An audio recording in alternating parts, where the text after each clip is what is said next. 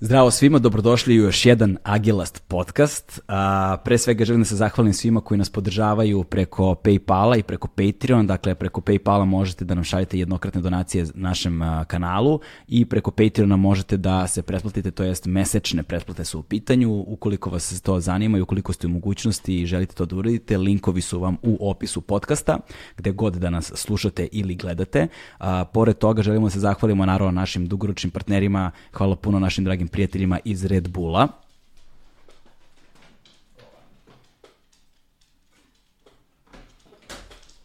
I hvala puno našim dragim partnerima iz Volta, kao što je znate i sami, ukoliko napravite profil na Voltu i iskoristite promo kod AGELAS, dakle ime našeg podcasta, ostvarujete 400 dinara prilikom prve poručbine i to bi bilo to što se tiče servisnih informacija.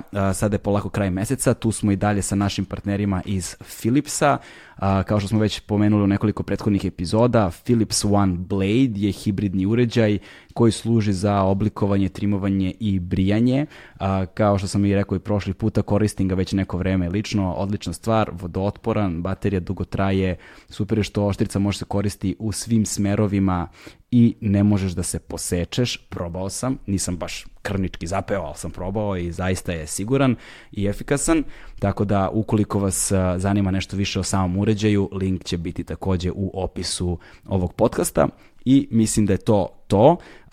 Danas slavimo jedan mali jubilej, ovaj, ne mogu da verujem da je već prošlo ovoliko i ovako brzo, uskoro nam je, uskoro na, nam je godišnjica kanala, a samim time će uskoro biti i godišnjica od prvog objavljenog podcasta.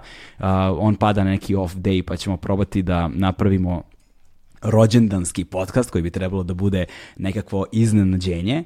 Ovaj, a u vezi sa time današnja epizoda je 50. epizoda, dakle jedan lep okrugao broj, uspeli smo da napravimo 50 različitih priča i zato smo današnju epizodu posvetili jednoj društveno odgovornoj akciji, jednoj akciji koja jednom udruženju koje ovaj, zaista veoma poštujemo. U pitanju su a, devojke i momci iz udruženja a, Združena akcija Krov nad glavom, a, koji se bore a, protiv bespravnih iseljenja i koji se trude da pomognu svima onima koji su, koji su u nemogućnosti a, da ostvare svoje elementarno ljudsko pravo, pravo života i krova nad glavom i elementarnih uslova da ostvare dostojanstven život. Ovo su momci i devojke koji volonterski a, staju na put toj nepravdi i pokušavaju da ukažu na sistemske probleme sa kojima se sukobavljamo svaki dan, ali nažalost nemaju dovoljno javnog prostora, tako da ćemo mi dati naš mali doprinos i pružiti im prostor da kažu kako izgleda ta borba za krov nad glavom.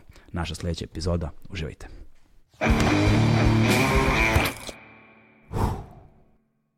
Hmm.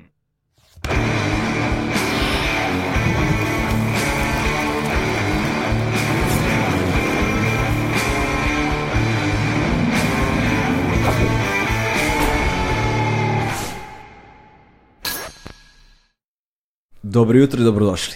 Dobro jutro. Uh, Voja, Ivana, um, ajde, danas ćemo se baviti jednom dosta ozbiljnom i širokom temom uh, o kojoj neki ljudi kolokvijalno znaju, velika većina ne zna skoro ništa, ovaj, ali problem je zaista veliki i uh, ono gde, se, gde sam najosjetljiviji jeste kada dođu ta pitanja nepravde, znaš, i onda nikad ne znam ni kako adekvatno da reagujem na elemente nepravde, zato što mi je ta emotivna reakcija prva, pa moram da naučim da povučem ručnu kočnicu, pa da stanem, pa da promislim, a nisam uvek u tome najbolji, zato ste tu vi sada. Ovaj, prvo se predstavite i recite mi ono čime se inače bavite, pored ovoga. Boja, hoćeš ti da počneš? Ajde. Ili ti, Ivana, sve jedno. Uh, Vojislav Vuksanović, Da. uh, generalno ovaj, radim u medijima, bavim se marketingom. Uh, u organizaciji Krovnom glavom sam već od neke 2017. godine. Mhm. Ovaj, pristupio sam zbog svog nekog ličnog problema koji sam imao, to jest oni su praktično pristupili meni, pomogli mi u nekoj situaciji, tako smo se upoznali i Da. onda smo, da kažem, upoznali. Ce, tako sam i upoznao celu tu temu, uopšte prava na dom, beskućništva, prava na stanovanje i svega toga što, što je vezano za za dom i što ljudi, ovaj problem koji ljudi imaju vezan za, za to i stvarno su vrlo široki, ovaj, Da. široki su problemi i ovaj, to, je, to je neki, ovaj, svašta nešto sam i naučio kroz, kroz ovaj eh, aktivizam u krovu. tako da, ovaj, ajde da kažemo, to je neki taj početak, pa sad kapiram da ćemo dalje Da, ovaj, da. nešto detaljnije Ovaj, kasnije. da, da, pričat ćemo, pričat ćemo o svom problemu i o svom ulasku i o tome št- šta je krov nad glavom i tako da samo prvo se predstavimo za početak. Ti, Ivana, Ćao, ja sam Ivana, uh, po obrazovanju sam psihološkinja i filozofkinja, ali nešto mi se nije baš sviđalo da to radim i prilike koje su se pružile, pa se bavim grafičkim dizajnom, Da. ali zapravo najveću većinu vremena sada provodim kao aktivistkinja Združene akcije i počela sam da se bavim stanovanjem zapravo još dok sam živala u Italiji. Tamo sam se sasvim slučajno uključila u stanarski pokret, ovaj, jer sam bila na nekom drugom projektu, pa je to bio skvot i imali smo stalno ovaj, tu nekakvu tematiku koja je ordinirala oko mene i onda me to polako uvlačilo i vratila sam se u Srbiju u jednom momentu i rekla sam pa super, ovde je krenula neka združena akcija krov nad glavom, malo sam to gledala na netu i rekao ajde da se ja priključim tome pa da vidim gde me dalje put nanese i onda mogu reći da je združena akcija bio jedan od ključnih razloga zašto sam ostala u Beogradu. E, sada da pomenemo šta je združena akcija Krov nad glavom, kako je nastala, čime se ona bavi, ko će od vas dvoje? Pa ajde možda ja da krenem, pošto sam možda ranije tu, pa inače Ivana mi je dalje upisana u telefon kao Ivana Nova, jer smo mi tu jedno vreme, ovaj, kako smo se zastajali, onda jedno, u jednom trenutku ona došla tu u ekipu, povezali smo se, dala mi broj da eto komuniciramo dalje, ja sad kao kako da upišem Nova, kao došla, da, da, je da. ona tu već, već ovaj, par godina. Ovaj, sama, mislim, to je neformalna, da kažemo, organizacija, to su ljudi koji su se e, godinama unazad, možda neki čak i decenijama bavili tim problemima beskućnika, prava na dom, ne znam, privatizacije i uopšte svih tih ljudi koji su imali problema sa svojim domom iz razno raznih razloga u poslednjih možda čak i 10-20 godina. E, mislim da je negde početkom, u prvoj polovini 2017. godine je prvi put e, došlo do tog nekog okupljanja i tu su bili i pojedinci i organizacije koje su prepoznale to kao neki problem koji, koji postoji i onda su se ujedinili da, ovaj, da pokušaju da taj problem negde istaknu, da traže reakciju države, da objasne da je to veliki problem i da ne može tek tako da se postupa sa, sa domovima ljudi. E, taj zakon recimo o izvršenju je donet 2011. Tada su prvi put stupili javni izvršitelji kao neko koji je sad tu došao da u većini slučajeva izvršavate, e, uglavnom su presude ili neke druge vrste tih da kažemo isprava, ali ovaj da je da je kako da kažem do, došlo do tog problema da o, postoji op- opipljiv taj problem, da zapravo sada već neko može da dođe i da izbaci nekoga iz doma, postoji prosto institucija koja to radi, Ove, I onda su tu počela ta neka nasilna ovaj, iseljenja, izbacivanje ljudi i znam par tih nekih svedočenja tih ljudi koji su duže u krovu, koji se duže bave tim problemom, da su i oni bili šokirani kad je to sve počelo, kako, na koji način i s kojom brutalnošću se sve to radi. I onda su tu počeli ljudi da budu svesni da ovaj, će to da postane sve veći i veći problem i da prosto mora da se neki pokret oko toga napravi i tako je, tako je sve to i krenulo. Ok, da bismo mogli da nastavimo razgovor, moramo postavimo nekakav okvir unutar kojeg se krećemo za ljude koji ne znaju ništa o ovoj temi, da ih uputimo malo više. Dakle, mi ovde imamo problem izvršitelja, imamo problem krova nad glavom kao fe, pojma, dakle, dakle kao neče, nečega što je elementarno pravo svakog čoveka, ali tako? Ovaj, I zakona i način na koji se taj zakon interpretira. Verovatno, recimo. I onda imamo tu neke osnovne probleme. Hajde da postavimo prvo a, koliko znate o tim zakonskim okvirima, a, šta, ko su zapravo izvršitelji, a, na osnovu čega su formirani a, i koja su njihova prava i ko im dodeljuje ta prava. I da li postoji zloupotreba tog prava.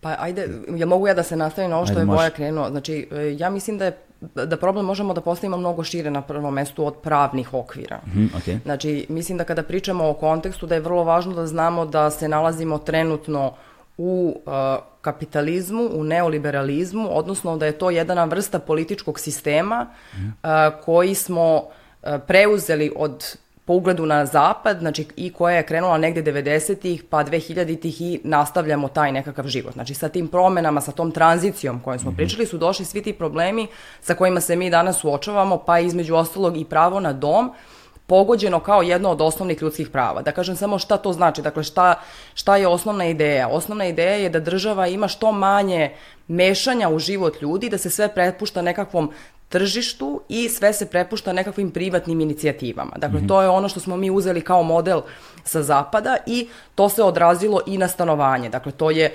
negde uh, dovelo do promena zakona u stanovanju uopšte. Dakle, u socijalizmu smo imali društveno stanovanje, dakle imali smo društvenu gradnju, gradnju društvenih stanova i država se starala o tome da ljudima obezbedi stan. Znači svako ko je radno sposoban, ko je radio je dobijao dom. To više ne postoji, dakle čak i e, ljudi koji su imali nekakva prava u socijalizmu ih više nemaju. Dakle danas je to obaveza svakoga od nas. Mm. Ja ako hoću da stanujem, moram da iznajmim stan ili moram da a, kupim, odnosno način da dođem do stana je da se verovatno zadužim kod neke banke, ako sam kreditno sposobna uopšte da se zadužim kod banke i da onda to otplaćujem ceo život. Mm zajedno sa izmenama zakona dolazi takođe i do velikog ekonomskog propadanja. Znači, ova zemlja ima ozbiljan problem, ima zastarelu nekakvu infra, infrastrukturu i ima jako malo ulaganja zapravo u privredu. To je, mi nemamo više sobstvenu proizvodnju, nemamo sobstvenu privredu. Dakle, dovode se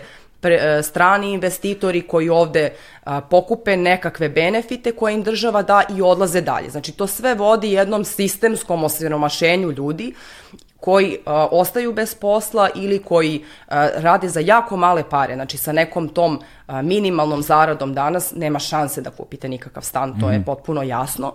I a, sve to je dakle jedan sistemski problem u kojem živimo i u kojem se pojavljuju onda i izvršitelji sudski kao prosto deo te cele jedne slike. Znači sve više nas ima ozbiljne probleme da skrpi kraj s krajem, da živi uh, nekakav normalan život i to se dešava zbog, kako sam rekla, dakle, tog nekog sistemskog osiromašenja, a onda uh, zakonske promene takođe utabavaju put uh, istim tim politikama koje nas, većinu nas guraju sve niže.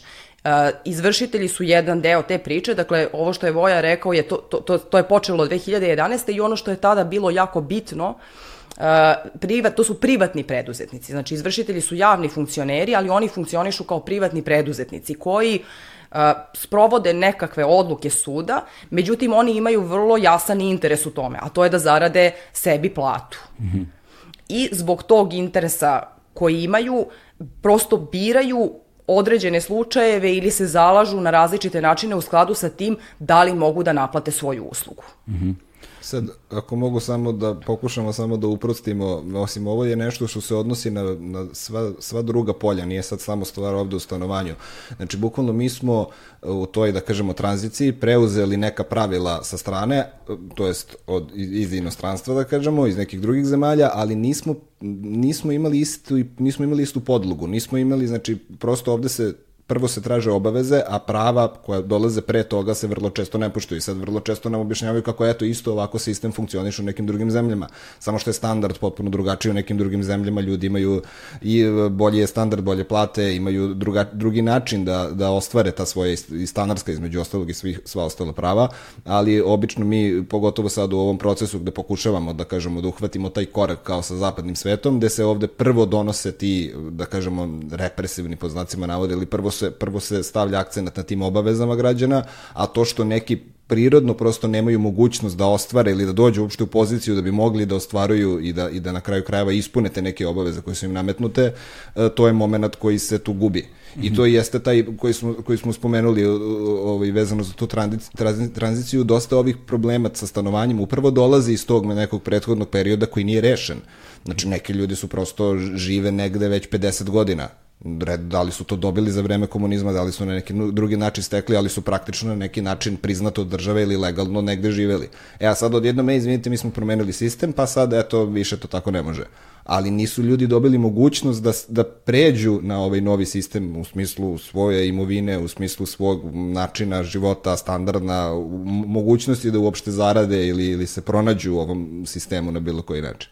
Dakle, ukoliko sam dobro razumeo, uh, ukoliko bismo nekako sa strane stavili ideološke odrednice i onda postavili stvar prosto praktično zakonski kako funkcioniše u odnosu sa drugim zemljama, mi ovde imamo problem sa redosledom prvenstveno Dakle, onoga šta je uvedeno, a šta nije. Može se tako, mislim, ovde nema ničega ideološkog, ovo je prosto Da, ona, da. onako kako su se stvari dešavale, prosto postoje jedan sistem potpuno nevezano s ideologijom, čak i formalno pravno je postojao određeni sistem i određena prava su se na drugi način ostvarivala i dobijala, e sada je došlo do neke promene sistema i ide se u nekom pravcu na koji prosto ljudi niti su navikli, niti umeju da se ponašaju u tom sistemu, samo im je nametno, e sad je ovako, ovako radi Evropa, morate i vi, Mhm. e sad to što se tamo nešto razvijalo možda 100 godina, kod nas sad to treba da se reši za 10, 20, 30, što nije realno. Da, i zapravo u tome nastaje problem ceo. Pa vrlo često da. Da. da. Uh, hajde da pričamo o nekim ciframa, prosto da znamo o kojem, o kojem, o kojem broju, pro, u kojoj, o kojoj veličini problema govorimo. Dakle, koliko tih izvršenja ima, koliko je tih ugroženih, da li se znaju neke cifre, šta se do sada radilo, da prosto dobijemo neku sliku o veličini. Pa, meni se čini da je čak jedno vreme i komora izvršitelja baš kad su same izvršenje u pitanju ovaj, izbacivala te brojeve, mada mislim da su prestali to da rade zato što nisu mogli nikako da ih opravdaju. Oni su tu sad pokušavali da objasne kako je recimo samo mali procenat izvršenja na nekretninama, a oni su u tom trenutku, ne znam, nekoliko godina nakon postojanja su izbacili neku cifru od milion i nešto. I tako su hteli da pokažu Milion svoju... čega? E, evo, sad ću, ovaj, tako su hteli da pokažu svoju efikasnost, pa kažu, evo, mi smo rešili, na primjer, milion i sedamsto pred, milion i sedamsto hiljada predmeta. To je ogroman broj predmeta izvršenja za ovako malu zemlju. To je, I onda sad kao oni tu pravdaju svoju efikasnost, kao evo vidite kako smo mi rešili, ne znam, milion ljudi ili milion i po, dva miliona ljudi postoji koji nešto duguje, ali mi to rešimo, ali tu se onda postavlja neko prethodno pitanje kao, alo, u zemlju koju ima koliko recimo radno sposobnih, da ne računamo, ne znam, decu i koliko ima stanovnika u Srbiji, I onda kod na to uzmemo 2 miliona izvršenja, pa ispada da je svaki drugi građan nešto dužan, to potpuno je, Da. potpuno je nenormalna cifra. Tako da trenutno nemamo neke, neke brojke, to jedino sad kad bi tako neke organizacije uzele da se bave time, ali mi zvanično od države redko ili nik, nikada praktično ne dobijemo tačno brojeve, e toliko ima izvršenja, toliko ima izvršenja na nekretninama, toliko ima toga, to je nešto u početku su pokušali, ali više mm, ne dobijamo te podatke. Da, od tih milion i sedamstotina hiljada izvršenja u kojim, kojima su se, u kom periodu je to bilo? Mm, to je, mislim, bilo neke, recimo, tri godine od, nas, od, od početka celog tog sistema, ali ne, sad Da. nemoj me držati za reč, sad nisam baš siguran. Znači to je neka 2014. 15. može tako nešto. Dakle, od tih milion i sedamstotina hiljada izvršenja koj, o kojima se govorilo, koliko tih izvršenja je pretpostavljalo um, ono, oduzimanje životnog prostora ljudima? Mm, Ja ne znam iskreno taj podatak. Da, to okej. mislim, prosto nama se, ima ih, ima stvarno veliki broj, nama se ljudi, e sad ti ljudi koji se nama jave, to je vrlo mali procenat na odnosu onoga što se stvarno dešava, tako da ne, mislim, mi recimo imamo, evo, mi smo ovog meseca imali bukvalno četiri ili pet uh, slučajeva da mi znamo. Ovaj, tako da nešto u jednom trenutku je, sećam se da smo imali neku statistiku da se otprilike jedan dom dnevno oduzme na, na, na, na nivou Srbije. To kad smo poredili te podatke i kad smo uzeli to što su oni rekli, eto samo ne znam 5% od toga, pa kad se sve to izdeli, recimo da izađe na recimo jedan dom dnevno, ali, E. ali nemamo, nemamo neke ove egzaktne podatke Ok, toga. pre nego što pređemo na kategorizaciju sad svih tih, pošto sam ja tu sebi zapisao kakva vrsta ovaj, problema kada je u pitanju um, uh, oduzimanje krova nad glavom postoji od, ne znam, restitucije, trećih lica, prevara investitora, zelenačkih dugova, banke i krediti, pitanje izbeglica, radnici, trudbenika i drugi radnici po, u postsocijalizma, veliki urbanistički projekti, ljudi koji nisu legalno u posedu, a nemaju gde i tako dalje. Znači, izlistali smo to, pa ćemo proći svako od tih stavki po naosob, ali pre toga da utvrdimo samo uh, kako izgleda procedura, na koji način zapravo uh, izvršitelji dobijaju nalog i ono, u kom trenutku oni tebi zapravo pojavljaju na vratima. Znaš, kako to izgleda sve. Pa, ja, ja bi samo, jo, još jednom da se samo malo vratimo, Mhm. znači, na ovu celu priču. Uh, jako je važno ovo što je Voja rekao, znači, uh, mi ne znamo koji je broj ljudi u pitanju i ljudi se vrlo često ni ne javljaju. Mhm. A ne javljaju nam se nama ili već nekako ne žale se iz ra, uh, nekoliko razloga. Znači, jedan je taj što nam se ovo sve predstavlja to kao jedno vrlo neutralno rešenje koje je sistem našao, a javni izvršitelji su uvedeni da bi se, to što je Voja pomenuo, znači da bi se neefikasne sudske odluke sprovele u delo. I uh, svi, ti, svi ti razlozi, znači sve ovo što si sada naveo, koji, razlozi koji su za iseljenje, znači sve to negde um, e, je predstavljeno kao, kao nekakav e, izvršitelj izvršava nekakvu odluku koju je doneo neko drugi, međutim ono što mi u praksi vidimo je da e, izvršitelji biraju slučajeve, znači da oni i te kako vrlo jasno udaraju na određene ljude, određene grupe ljudi, a na druge ne. Dakle, nama se taj ceo sistem u jednom momentu predstavio kao to efikasan način da se neke spore sudske odluke izvrše i da se, na primer, uh, naplate zaostale plate radnicima, mm -hmm. na primer. To u, u tim slučajevima su neki izvršitelji koje mi konkretno isto čiji rad poznajemo i pratimo kroz ovo, bili su vrlo neefikasni.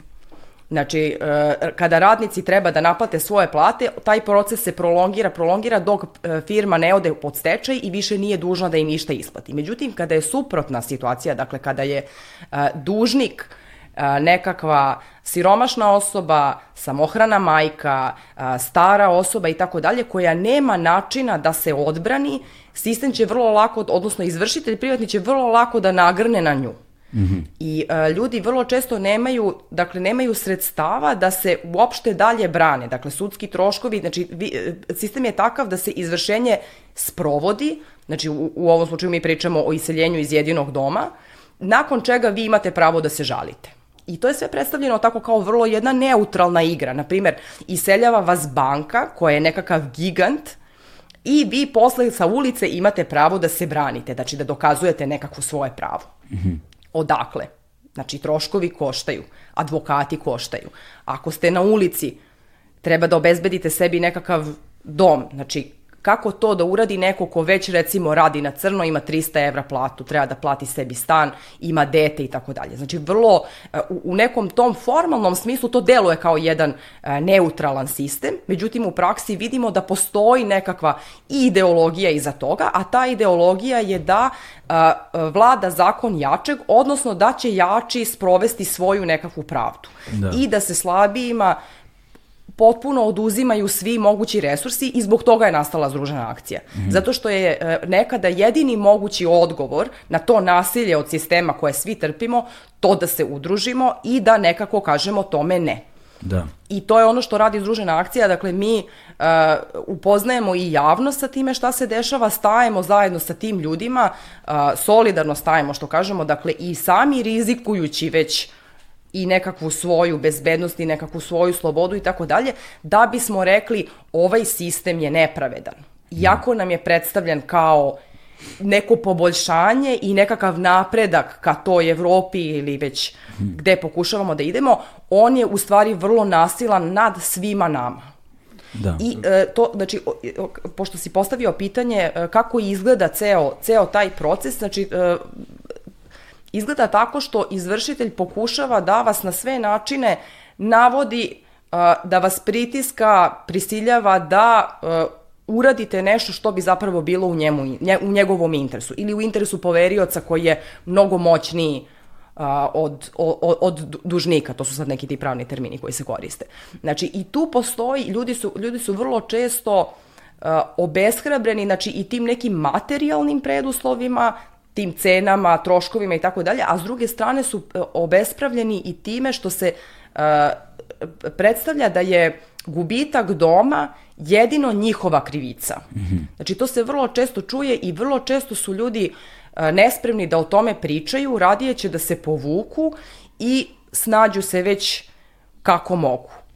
E, zato, ka, zato je Voja rekao, da. mali broj njih se nama uopšte javi, neko ni ne zna za postojanje, mnogi ljudi neće zbog nekakve društvene stigme, znači ako recimo osoba ima još i nekakve probleme, da. psihičke, zdravstvene i tako dalje, znači to je i ogroman pritisak, ali tu je i sramota, -hmm. jer nam se kaže sami smo krivi za to gde se nalazimo. Znači ako sam ja uzela, na primer, kredit od banke, uh, dobila sam rak, ne mogu da platim par rata, banka me iseljava iz stana koji sam otplatila da. više od polovine, meni ceo sistem kaže ti si kriva.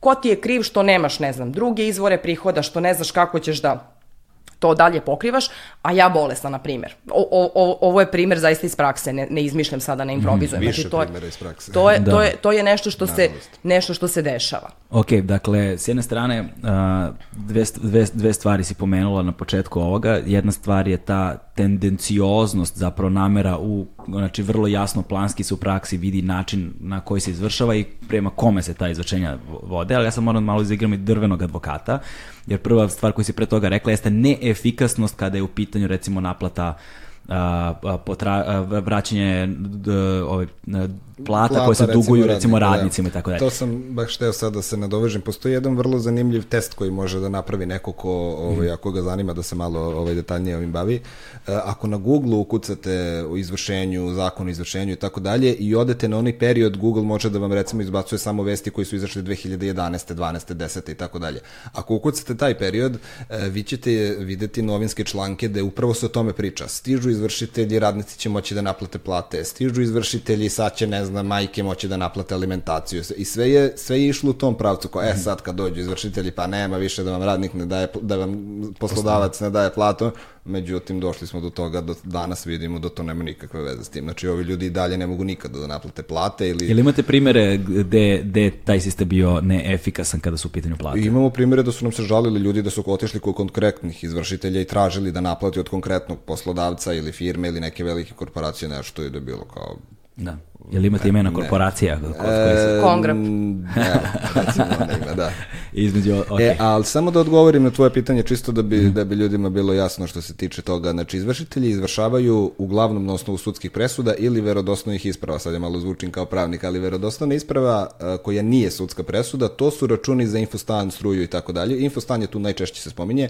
E, oni, e, tada se izvršenje radi na osnovu njihovih poslovnih knjiga. Znači, nije potrebno imati sudsku presudu, sud se ne meša, nego što je opet jedan poseban sporan moment i postoje neke organizacije koje se sa time bave i pokušavaju da objasne koliko je to sporan moment, da ovaj, se iz poslovnih knjiga, recimo kad je infostan u pitanju, oni na osnovu toga mogu da pokrenu izvršenje. I tu se vrlo često dešavaju neke greške, jer tamo može se desiti neka administrativna greška i kao ne, ne, izvršitelj je uzeo. Ono što se recimo često dešava je da e, oni pokrenu proces, Aha. čovek shvati da je dužan ili je zaboravio da plati ili šta god i plati umeđu vremenu, ali se proces nastavlja i onda mu izvršitelj dođe za nešto što je već plaćeno.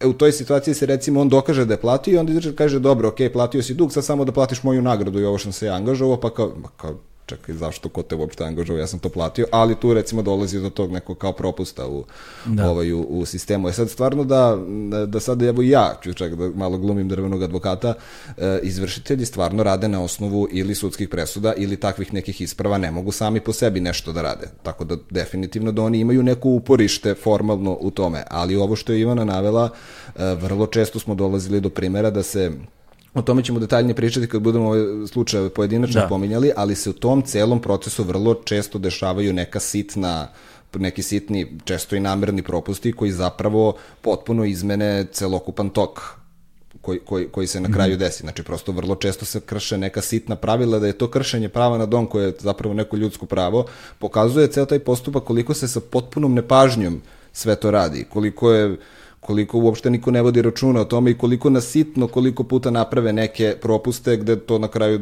finalni ishod dođe da čovek je obespravljen, da ne može da se brani, da, da sam banalne stvari da se, na primjer, često ljudima namerno ne dostavljaju na pravu adresu dokumenta da oni ne mogu u nekom normalnom vremenu da se, što se meni recimo desilo, da ne mogu da se brane u nekom normalnom periodu, da se odugovlači taj proces, da se ljudima otežava mogućnost da se žale.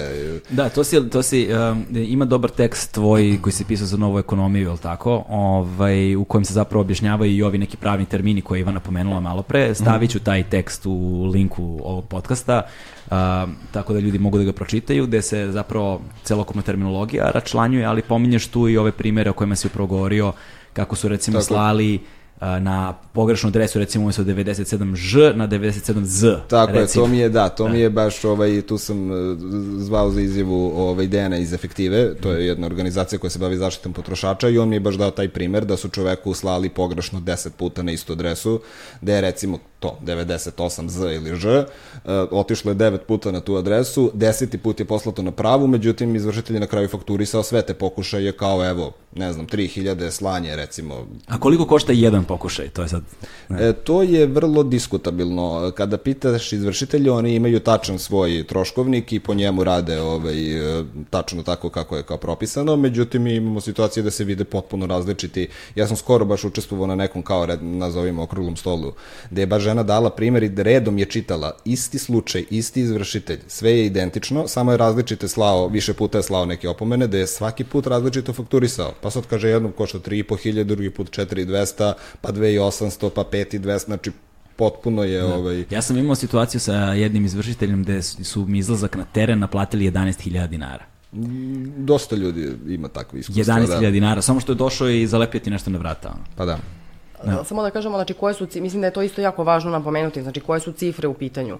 Uh, postupak iseljenja, prinudnog iseljenja iz prinudnog doma košta oko 10.000 evra. Znači, Sam to, postupak. Kada se to kao sve negde završi, znači sve to, naravno postoje nekakvi troškovi, postoje troškovi izlaska policije, izlaska hitne pomoći, vatrogasaca, veterine, socijalni, centra za socijalni rad, šta god. Znači, e, ljudi koji e, budu izbačeni iz, iz, iz jedinih domova dobiju na kraju troškovnih bez bilo kakvih specifikacije i to su te cifre. Znači, kreće se od nekih 8, 9 do 12 hiljada evra. Čekaj, ko, ko, je, ko plaća tih 12 hiljada evra? Plaća dužnik. Znači, plaća onaj koji je da kažemo, izgubio u celom postupku. Znači, Čekaj, izvini, izbacete na ulicu i ostaje ti da platiš još tih 10-12 hiljada evra. To se vodi kao da prosto ti nisi hteo sam da izvršiš određenu recimo sudsku presudu ili nešto tako i onda izvršitelj to mora da pokrene i ti si kriv što on to mora da pokrene i sad tu se vrlo često veštački ti troškovi pumpaju i mislim ne samo što, ne da se čak namerno veštački pumpaju nego čak se nekad potpuno bespotrebno neke stvari rade mislim nekada nema potrebe da dođe 50 policajaca, vatrogasna brigada, hitna pomoć, služba, ona ovo i tako dalje. Onda izvršitelj na primer svako slanje tog nekog dokumenta naplaćuje pojedinačno. Svak, znači, ima hiljadu jedna stvar koja nekada ne mora da se u tom postupku desi, ali se desi. Da. Tako da, ovaj, da, ti troškovi imaju da budu prilično ovaj, veliki. Plus na to ide nagrada izvršitelja koji je uspešno sproveo izvršenje, gde se i to dodaje na konačnu cifru. Tako da, nagrada? Pa da. Ne razumem, čekaj, zara već ne naplaćuje sebi troškove? Zanimljivo je što ne razumeš zato što su to reakcije koje dobijamo stalno od ljudi, ali da, znači posle svih tih njegovih troškova koji su nenormalno visoki, jer da pošalješ nešto poštom, to neće koštati 2000 dinara ili 1000 ili čak ni 500, ali ako on pošalje, to će koštati toliko. I sad kad sve, ceo taj postupak se završi, on na kraju ima nagradu za uspešno ovaj, provedeno izvršenje koja iznosi određeni procenat od opet ukupne te neke ovaj, duga ili, ili čega već je dosta komplikovano to, ali da, na kraju stvarno se dešava da izađe od 5, 6, 7, 8, 10 hiljada evra zavisnosti ovaj, šta je u pitanju. I to se prinudno izvršava. Da. Da, to se takođe znači... prinudno izvršava. Pa evo baš čekaj, ovaj... čekaj, čekaj, nagrada se isto prinudno izvršava. Da. Ja ne znam da li se smijem da plačem. Da. Evo kada krenemo u ove, ove, ove objašnjenja, pa bit će ljudima jasnije kad da. krenemo kroz neke konkretne primere. Imamo baš evo prvi ovaj što se spomenuo restitucije, baš imamo jedan takav slučaj. Ajde sad da počnemo, prema što počnemo, na, pređemo na to, ti si već nekoliko puta pomenuo da si zapravo i u samu združenu akciju ušao uh, zato što se imao ti situaciju sa izvršiteljima i onda si još nekoliko puta napomenuo svoj, moj primer, moj primer, reci koji je to da, tvoj primer. Da. Uh, pa što je najgore, moj primer nije ni jedan od ovih koje si naveo, Aha. znači nije ni jedan, ne, ne potpada ni pod jedno od ovih, da kažemo, kategorija koje smo uveli. Uh, kod mene je uh, u pitanju klasičan spor oko vlasništva. Da. E sad, to bi moglo da ima veze sa, ne znam, restitucijom i tim stvarima, ali nema, iako jeste moj ovaj, pradeda još imao stanarsko pravo na toj kući da ja i danas živim. Porodica u toj kući živi od neke 1930. godina. Znači neki, Tvoja porodica? Tako je, znači svi, da kažem, preci zapravo ovaj, postojalo je to neko vlasništvo koje se nasleđivalo putem nekih sudova širom Jugoslavije, jer žena tada koja je još umrla tih 40-ih pre drugog svetskog rata nije imala pravnih naslednika, to se tako nešto nasleđivalo pa, par, rasprčano je bilo tipa po šestine objekta, pa su razno razni ljudi nasleđivali. E, Pradeda je tu imao stanarsko pravo, on je umro nešto 95. 6. Mi smo najnormalniji, ja sam se tu rodio, majka se tu rodila, svi smo tu živjeli, smo stanarsko pravo na celom objektu tada. Ove, živjeli smo najnormalnije. E, onda smo 2000. te došlo do toga da se ta kuća urušava, pošto je sagrađena 1928. i imala je, ne, imala temelj u modernom smislu gradnje, trska, blato, švapska kuća, mislim da se to zove ovako u, u, kolokvilno. Ove, I mi smo praktično, kad se urušila, sagradili potpuno novu. Gde je to? 2000. godine na autokomandi, mm -hmm. Savski venac. Ovaj, e, nakon što smo to napravili tu, ovaj, što je praktično nova kuća sagrađena, pojavljuju se ti ljudi neki koji kao imaju to vlasništvo 90 godina, nikada niko se nije pojavio za 90 godina. Nikada nismo čuli za te ljude, mi smo plaćali porez na celokupan objekat, sve ostale račune i tako dalje. E sad, I... tu, izvini, tu sad moram da, da uletim, pošto koliko se ja razumem, a, ovaj, ti nisi u vlasništvu objekta bez obzira na ostavinsku raspravu, bez obzira na kupoprodajni ugovor, bez obzira na plaćanje poreza, to se radi na osnovu overecionog broja, ali te iz kupoprodajnog ugovora, ti si vlasnik samo ako si upisan u katastar. Tako je. Jesi ti, jeste vi bili upisani u e, katastar? Na delu objekta da, zato što da. smo otku, to, otkupili smo deo od opštine Savski Venac koja je imala vlasništvo. Uh mhm. -huh. Tako da smo bili jed, u tom trenutku gradnje, to smo bili jedan od ovaj, uh, suvlasnika, Kad je nikla, nikao taj novi objekat, e, onda su se prvi put i kada za posle 90 godina se pojavljuju ljudi kao, e, mi bismo ovo da uzmemo. I kao oni, ne, mi imamo pravo, ovo je naše, mi smo ovde, i tako je to krenulo u sudske procese. Međutim, oni umesto da traže, mogli su da traže rušenje, mogli su da traže nadoknadu, mogli su da traže svašta nešto. Ne, oni su tražili da se njima dodeli celokupan taj novi objekat, tako kako smo ga mi sagradili, da se preda njima. I onda su pokrenuli ovaj, sudsku presudu, da su na kraju presudu dobili za taj stari nepostojeći objekat. Znači, ništa nije pričano, to je koji je srušen 2000-te, znači nije bilo nikakve priče da smo mi tu bilo šta uložili, napravili novu kuću, ne, oni sve vreme se pravimo kao da se sudimo za onu kuću iz 1928. Mm -hmm. I oni sada dobijaju presudu e, da se mi iselimo iz te kuće od 66 kvadrata sagrađene 1928. koje naravno apsolutno ne postoji. I sad tu je recimo kod mene je klasičan problem sada do izvršitelja, znači tu nema sistem, e, zakon, e, država, ne ovde bukvalno izvršitelj isključivo problem zato što potpuno jasno zakon o izvršenju kaže da će izvršitelj obustaviti postupak ukoliko dođe do propasti predmeta izvršenja. Znači, tačno se vidi da ta kuća iz presude ne postoji, ta kuća je sružena pre 20 godina, to je potpuno jasno. Znači, tu bi izvršitelj trebao da kaže ovde ne postoji predmet izvršenja i to je to. Međutim, naravno, sve to i napravljeno tako. Oni su, ti ljudi su i tužili na, tako da bi oni mogli da praktično na osnovu presude za stari objekat dobiju novi objekat. Mm -hmm. Bez ikakvog pominjenja da je iko tu uložio, mislim, ne znam, mi smo preko 150.000 evra je tržišna vrednost koliko je veštak procenio da je uvećana ta vrednost i to sad ispada kao, ma ne, ništa, nema veze, izađete vi na ulicu. Ove, ovaj, tako da je moj problem je trenutno taj, 1. decembra je zakazano sada da, da moramo Aha, da izađemo. to još traje. To traje i dalje, da. Ovaj 1. decembra praktično je zakazano da moramo da ovaj napustimo objekata, pre nekih 30. je bilo, prošlog meseca, je bila tako identifikacija objekta i onda je ona došla izvršiteljka sa veštacima da oni identifikuju objekat i sudske presude kao što sam spomenuo, to ne postoji. Onda su oni morali kao da izvedu stručnjake da vide kao koji je taj objekat i onda je ona na osnovu kao pozicije objekta rekla, a pa da, evo, kao praktično, eto, tu je bila stara kuća, znači to je ta kuća, odatle treba da izađete. Što je, mislim, kao potpuna besmislica ali ovaj, tu sad ima mnogo formalnih propusta, znači ona prvo e, presuda sama je toliko široko postavljena da samo kaže da se iselimo iz kuće na toj adresi. Nema katastarska parcela, nema ništa, bukvalno to izreci presude koju izvršitelj gleda prilikom izvršenja, ne postoji nikakav podatak osim adresa i broj, kao sad recimo ova zgrada cela da se stavi adresa, broj, to je to. E, i onda je to ona tu sad krenula kao ona vrši identifikaciju, pa gleda parcelu, pa poziciju objekta, pa tako dalje, što praktično nema pravo da radi, jer to ne postoji u izreci presude. S druge strane, ako uđe u obrazloženje same presude, tu stoji da je to kuća 66 kvadrata, stoji sve jasno se vidi da je to taj stari objekat koji je srušen. Mm -hmm. Međutim, to je taj moment gde se izvršitelji prosto, eto, malo se pravimo ludi, pravimo se da je to to, ja sam došla da izvršim, evo dovela sam stručnjake, oni su pokazali šta su trebali i kao sad Ok, ali ako se, ukoliko se sve ovo dešava, koja su tvoja prava? A, pa prava, e, evo recimo, formalno, tu bi, kažem, izvršitelj trebao da zaključi ove, izvršenje i da kaže ne postoji predmet izvršenja i da vrati sudu. Naravno, to, mislim, oni su i uzeli čuvenog izvršitelja koji svašta u Beogradu izvršava baš da bi ovaj, na osnovu, praktično na osnovu, meni je recimo baš jedan pravni stručnjak ovaj, koji je takođe ovaj, se bavi ovaj, iz jedne organizacije, ovaj, koja se bavi pravom ovaj, potrošača i tako dalje, bukvalno mi je rekao ovo kod tebe ne može da se izvrši, ona može da dođe da izvrši samo na osnovu svog imena i prezimena. kao bukvalno što je u pitanju moćni izvršitelj, bogata i radi sa šta god, očigledno neko stoji iza nje i omogućava i da to sve radi i kaže to je jedini način kako ovo kod tebe može da se izvrši. Primjera radi moj advokat i kolega njegov koji su radili odbranu čitavu su išli da se savetuju sa jednom e, bivšom sudijom baš izvršnog odeljenja i baš su pitali kao evo mi smo ovako postavili odbranu, da li je ovo u redu, ona je žena pogledala, rekla ma ovo apsolutno ne može da se izvrši, onda je pitala ko izvršava, izvršava čuvena izvršiteljka Mirjana Dimitrijević i onda je ona rekla pa da, ona ima običaj da izvodi dokaze ponovo, da otvara proces i tako dalje, tako da kao nezgodno je.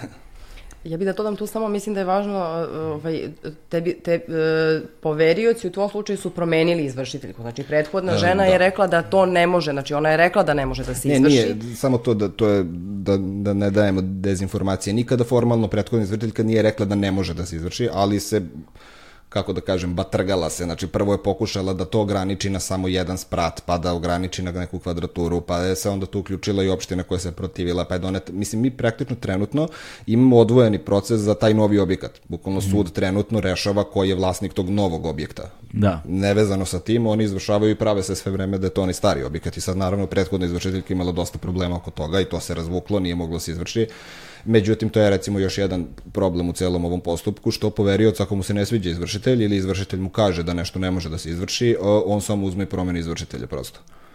Ovaj, e, imamo trenutno još jedan problem baš ovaj kod ista taj pitanju moje izvršiteljka Mirjana Dimitrijević koju ovaj, izvršava kod čoveka kome su već dva prethodna izvršitelja nisu mogla da izvrše. Znači prvo je bio jedan sudski, onda je bio jedan ovaj, kasnije kad su uvedeni ovi privatni izvršitelji, bio je taj jedan privatni i on je čovek bukvalno na sastanku napisao, ja imam taj zapisnik kod sebe, da ne može da se utvrdi objekat izvršenja zato što je pogrešno tamo napisano u presudi i zaključio i kao vraća se predmet sudu. Međutim, nakon toga donosi se nova odluka da se sve njegove odluke stavljaju van snage i e, predmet se predaje gospođi Dimitrijević i ona nastavlja da izvršava, pravi se kao da ništa pre toga nije bilo i bukvalno izvršava takođe na objektu koji ne postoji. Mislim, meni se sad ljudi javljaju da što ovako se negde pojavim, pa neko čuje moj problem i onda kreću ljudi da mi se javljaju koje, pa ja isto imam problem, isti taj, hajde, i onda tako se, da kažem, na neki način povezujemo. Tako da- Koliko da... ti se ljudi javilo do sada? Baš dosta. Šta znači dosta? Pa mislim, ne znam, javljaju se nekad preko krova, nekad ovaj, meni direktno na fejsu, na Twitteru, na gde god me nađu i onda e, ja imam taj problem, ajde, kako može da se pomogne. Nekad, zavisi, nekad ja konkretno mogu da im pomognem, zato što imam, da kažem, neka znanja koje sam stekao svih ovih godina borbe nekad uputim na nekoga od, od, ovaj, od iz krova ko može da pomogne. Nekad je, za, zavisi šta je. Mislim, mi ne pružamo nikakvu pravnu podršku, niti, zna, niti umemo to da radimo, niti smo pravnici, tako da su prosto raz, razmena nekih iskustava, mm -hmm. papira, nekih sledova šta ljudi mogu da urade, kome da se žale, tako da to, to su te neke stvari koje mi u tom nekom, da kažemo, ajde, formalnom smislu možemo da, da pomognemo, a da nije sama, ne znam, odbrana ili nešto tako. Jel mogu ja samo da dodam, znači, pošto si postavio pitanje šta su tu tvoja prava. Da. Znači, ja, ja bih samo da, da, pošto su ovo jako, ovo su jako kompleksne stvari, znači svaki slučaj, recimo kod nas za razliku od e, inostranstva, postoje mnogo razloga za izvršenje, postoje razni, ra, razni, e, razne vrste zavrzlama pravnih, ali suština je po meni ista. Znači, to pravo, e, u formalnom nekom smislu mi imamo nekakva prava. Da. Međutim, praktično, znači u realnosti, je vrlo teško ta prava sprovesti upravo zbog ovoga što je on sada pričao. Znači, izvršiteljka, odnosno poverilac koji u ovom slučaju ima e, dovoljno sredstava da angažuje izvršiteljku, pošto poverilac daje nekakav predujam, dakle mora da uloži nešto svog uh, novca u to, to će mu se kasnije samo, vratiti. Izvim što te prekidam, mm -hmm. samo šta je poverilac pre po, Ok, da, to nismo pojasnili. Znači, poverilac je taj koji potražuje nešto, odnosno koji potražuje nekakvu naplatu duga ili da uzme nešto, da kažem, što bi trebalo po nekom pravu da mu pripada. Znači, da- Recimo da, banka, na primjer, o tebi. Na primjer, ja Recimo. dugujem ba banci, banka je poverilac, ja sam okay. ba banci dužnik. Poverilac je onaj kome se duguje ili onaj okay. u čije ime se izvršava to nešto, da okay. kažemo na jednostavno. E, samo, samo da pojednostavimo. Znači, a, a, poverilac u ovom slučaju angažuje izvršiteljku koju može da plati i koja će nekako izvršiti taj a, a, to, to prinudno iseljenje, odnosno poverilac će doći do objekta. Voja ako ostane na ulici, kao što smo malo prepričali, znači kako će, zaista, kako će se zaista boriti za svoja prava. Dakle, sistem je takav da danas u stvari gura sve nekako niže, sve dublje u to siromaštvo, u nekakvo beznađe. Znači, nominalno on ima pravo, on može da se žali, on može da nastavlja sa celim postupkom, međutim, objekat je izgubio. ljudi odustanu iz raznih razloga i, i, i zbog toga što nemaju da plate sve te troškove, da plate advokate i zbog toga što je to istrpljujuća borba koja se zapravo za njih nastavlja. Znači, e, ideja je da vas oni izbace iz doma, da poverilac dobije to svoje što hoće, ukoliko je moćnik, lakše će naravno doći do toga, a vi se onda posle sa ulice nekako branite i terajte i dalje svoj ceo taj postupak, tražite svoja prava u tom neefikasnom sistemu koji, koji još uvek postoji. Dakle, to je, to, to, je, to je negde po meni suština da. a, cele priče. Dakle, da ne ulazimo toliko ni u te pojedinosti, pravne, nekakve tehničke stvari. Dakle, ovo je poenta. Onaj ko je jači, će vrlo lako sa svojim sredstvima i resursima doći do uh, načina da se izbori za nekakvo svoje pravo. Da. Čak i oko ga, u kažem, da kažemo u formalnom smislu ga negde ima, ali ima toliko stvari na raspolaganju, ima toliko alata, ima toliko da. resursa, pravnih, tehničkih, materijalnih i tako dalje, a druga strana faktički na kraju ostane bez ičega. Dakle, to je, to je poenta, to je suština i to je opet nekako, ja bih rekla, uh, to jeste političko pitanje. Mm. Dakle, e, u svim ovim situacijama se i kod voje i kod svih ovih slučajeva e, ljudi sa, kojim, sa kojima smo mi radili su dakle u sukobu nekakvo pravo na posjedovanje, pravo na nekakvu privatnu svojinu, pravo na nekakvo potraživanje nasuprot pravu na dom. Da. I kada tako postavimo stvari, često nekako to zvuči kao malo naivno, mhm. nekako zvuči možda, ne znam, nedovoljno upućeno, nedovoljno profesionalno i oni nama to stalno govore, vi niste pravnici, vi ne možete da se ovime bavite jer ne razumete suštinski materiju. I onda se uvlače u te nekakve pojedinosti. To recimo imamo i u, i u slučajevima na, na sudu, na primjer, Združena akcija nekada prisustuje suđenjima. Sudije tako, tako tretiraju, dakle prosto vas e, nekako učutkaju celim tim nekim referentnim sistemom koji igra na ruku onom moćnijem. I kada se pojavi javnost, kada se pojavimo mi, kada se pojavimo na, iz, na iseljenju, kada se pojavimo na sudu, unosimo tu nekakvu pometnju zato što ceo taj narativ, ceo tu priču pomeramo na neku potpuno drugu stranu. A to je da svako od nas treba da ima pravo na nekakav dostojanstven život, na dostojanstven rad, na dostojanstveno stanovanje i da ukoliko uh, to nemamo, znači ljudi koji ostaju na ulici se teraju u nekim slučajevima u beskućništvo iz kojeg nema povratka. Dakle, to je nekakav način da se potpuno uruši uh, fizičko, mentalno zdravlje ovog naroda. I to i od, odatle zaista nema nazad. Mhm. Oni nemaju rešenje. Znači, osim toga što postoji taj nekakav javni izvršitelj, privatni preduzetnik koji će uh, namiriti nek, potrebe nekakvog moćnika, dalje od toga se zapravo uopšte ne vidi. To je inače taj jedan od ključnih zamerki celog ovog sistema izvršenja, zakona o izvršenju, ali da kažemo celog sistema tog izvršenja je potpuna različitost u brzini postupka. Znamo i sami kako funkcioniše pravosuđe kod nas, imamo sa druge strane taj izvršni postupak koji kao hitan i rešava se brzo i onda se recimo dešavaju situacije da ljudi mogu da se žale da podnesu disciplinsku prijavu u Ministarstvu pravde, što sam ja recimo sad skoro uradio. E, u, imali smo jedan slučaj da je recimo ta prijava poslata u novembru, negde u martu iduće godine ljudi pitaju, ej, ko šta se dešava, podnosam prijavu i iz ministarstva odgovore, pa mi smo poslali izvršitelju da se izjasni, ali evo on se još uvijek nije izjasnio. Mislim, kakva je to besmislica, ono, kao, ok, sad ćemo da čekamo izvršitelja dve godine da se izjasni na nešto što je u principu upereno protiv njega i što bi neko trebao da istraži, a ne da pita njega da se izjasni. Inače, tako često... A umeđu vremenu izvršitelj izvršava. Ne, najnormalnije, da, izvršenje ide, to ništa, izvršenje ne zadržava ništa živo. Znači, bukvalno ne postoji pravni mehanizam koji zadržava izvršenje. I onda i tako imamo i disciplinske znači, krivične... Znači, bukvalno ne postoji pravni ne, mehanizam. Ne, bukvalno ne postoji, ne, kao izvršenje je hitno i ništa ne može zaustaviti izvršenje. Čak i pričat ćemo posle o prigovorima trećih lica, da imamo situacije da su, treće lica su ljudi koji nisu, ono što nismo malo prijasnili, znači imamo poverilac i imamo dužnik. Poverilac je neko kome se duguje, dužnik je taj koji je dužan. E, tu se javljaju recimo ta treća lica koja su faktički u problemu, ali nisu ni jedno ta dva slučaja, zato se iz ovo treća lica, znači nisu ni poverilac, nisu ni dužnik. To je recimo e, kada investitor proda nekome stan, taj investitor je ostao dužan nekome od koga je recimo kupio celu tu parcelu i dolazi se kod tog koji je sad treće lice, zapravo vlasnik stana, da se njemu oduzima taj stan zbog duga investitora. On je u tom momentu treće lice, znači neko ko nije u tom celom procesu, ali je neko ko zapravo trpi najveću štetu.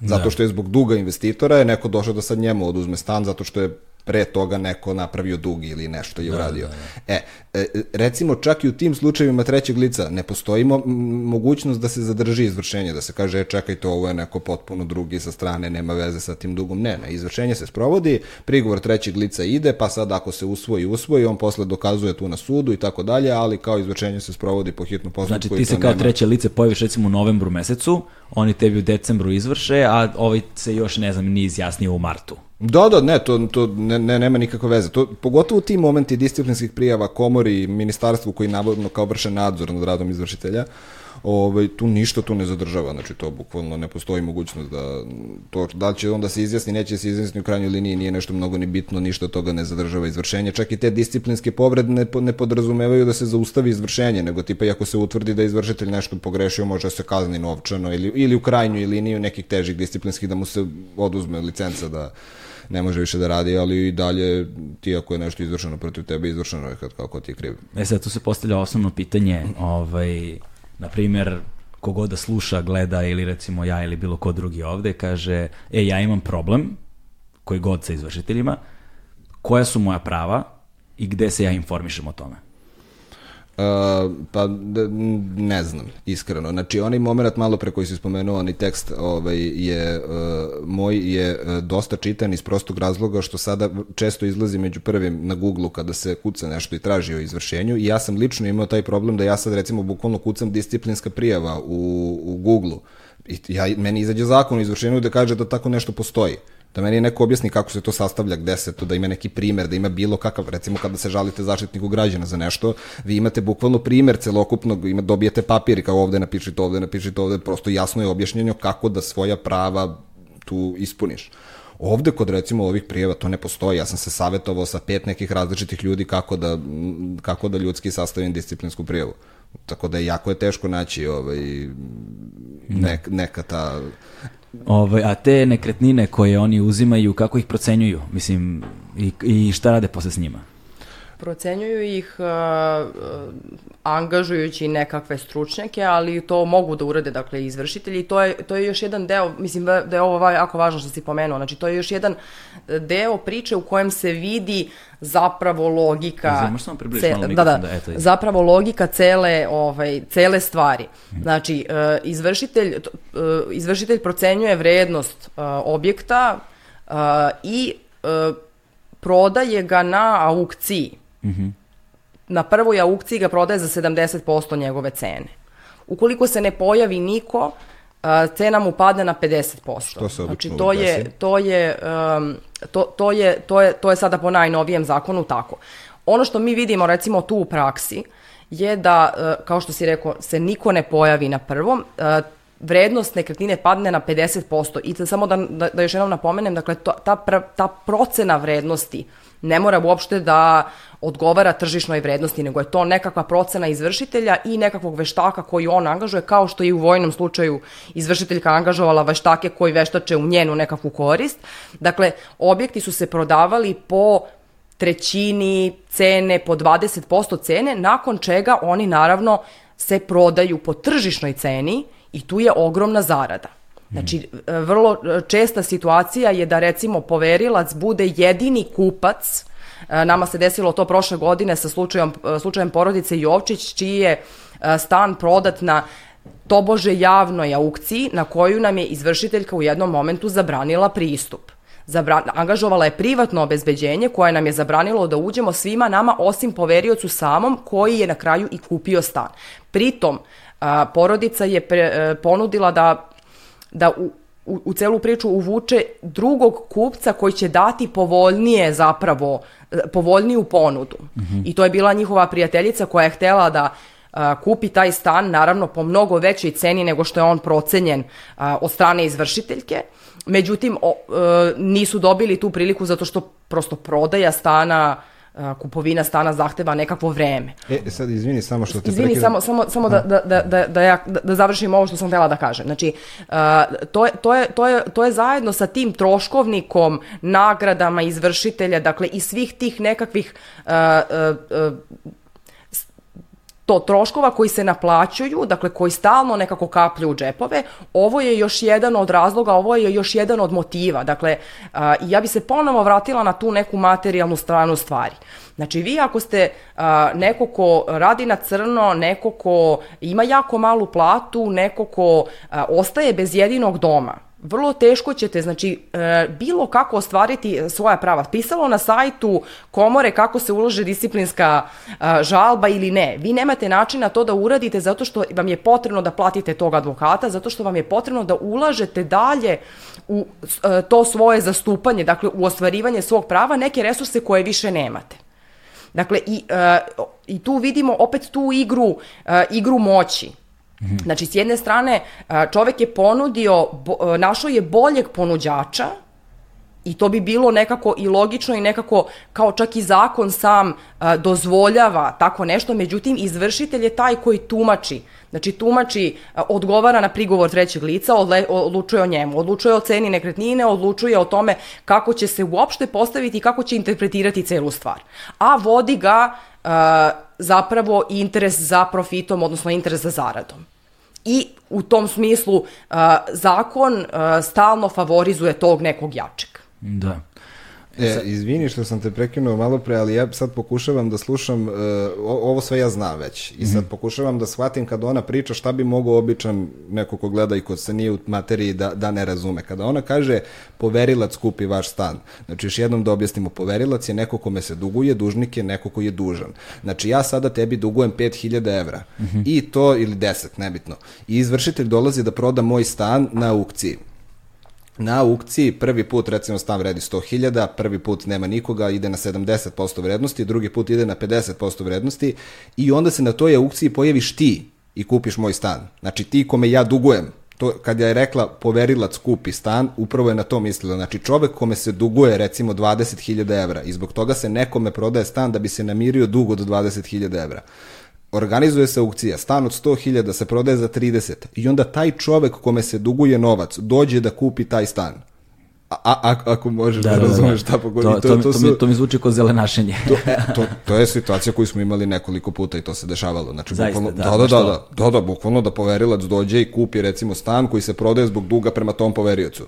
A sad, I ne samo poverilac, nego, nego se dešavalo da i izvrši, iz izvršiteljskih kancelarija kupuju ljudi, znači da kupuju članovi porodice, prijatelji, znači ono što hoću da kažem, tako je, znači oni su u novom sad zakonu, u izmenama su to uh, nekako pokušali da dovedu pod nekakvu kontrolu, dakle da uh, članovi šire porodice i tako dalje ne mogu da učestvuju u kupovini, međutim, naravno da to ništa ne sprečava, znači to je čitava jedna mreža, uh, ovaj slučaj koji sam pomenula, dakle izvršiteljka je direktno zaštitila poverioca u tom slučaju, znači omogućila je samo da. njemu da Gde uđe. Gde je taj slučaj bio? Uh, stan je stan na kojem je izvršena ovaj je izvršeno iseljenje je, je u Žarkovu. Mm -hmm. okay. Porodica je ostala sada, ovaj, podstanari su, ali sve to, u sve to propratno što sam rekla, znači sa vrlo da. niskim primanjima, sa izvršenjem i tako E sada, kako se procenjuje? Da li postoji nekako određeno, na, na primjer, uh, ukoliko ja recimo dugujem kome god 5, 10, 15, 20 hiljada eura, na primjer, uh, i nemam lovu da dam, ko i na koji način procenjuje uh, vrednost, uh, šta, je, šta, je, šta je u vrednosti 15.000 evra da mi uzme? Pa, e, pa to je recimo jedan takođe od velikih problema, to je takozvano načelo srazmere, gde uh, za recimo dug od 10.000 evra tebi uopšte ne bi smeo da se oduzima stan Zato što 10.000 evra može da se naplati na razne druge načine, može da ti se popisuje neka pokretna imovina, može da se stavi opterećenje na tvoju platu, penziju ili šta već imaš.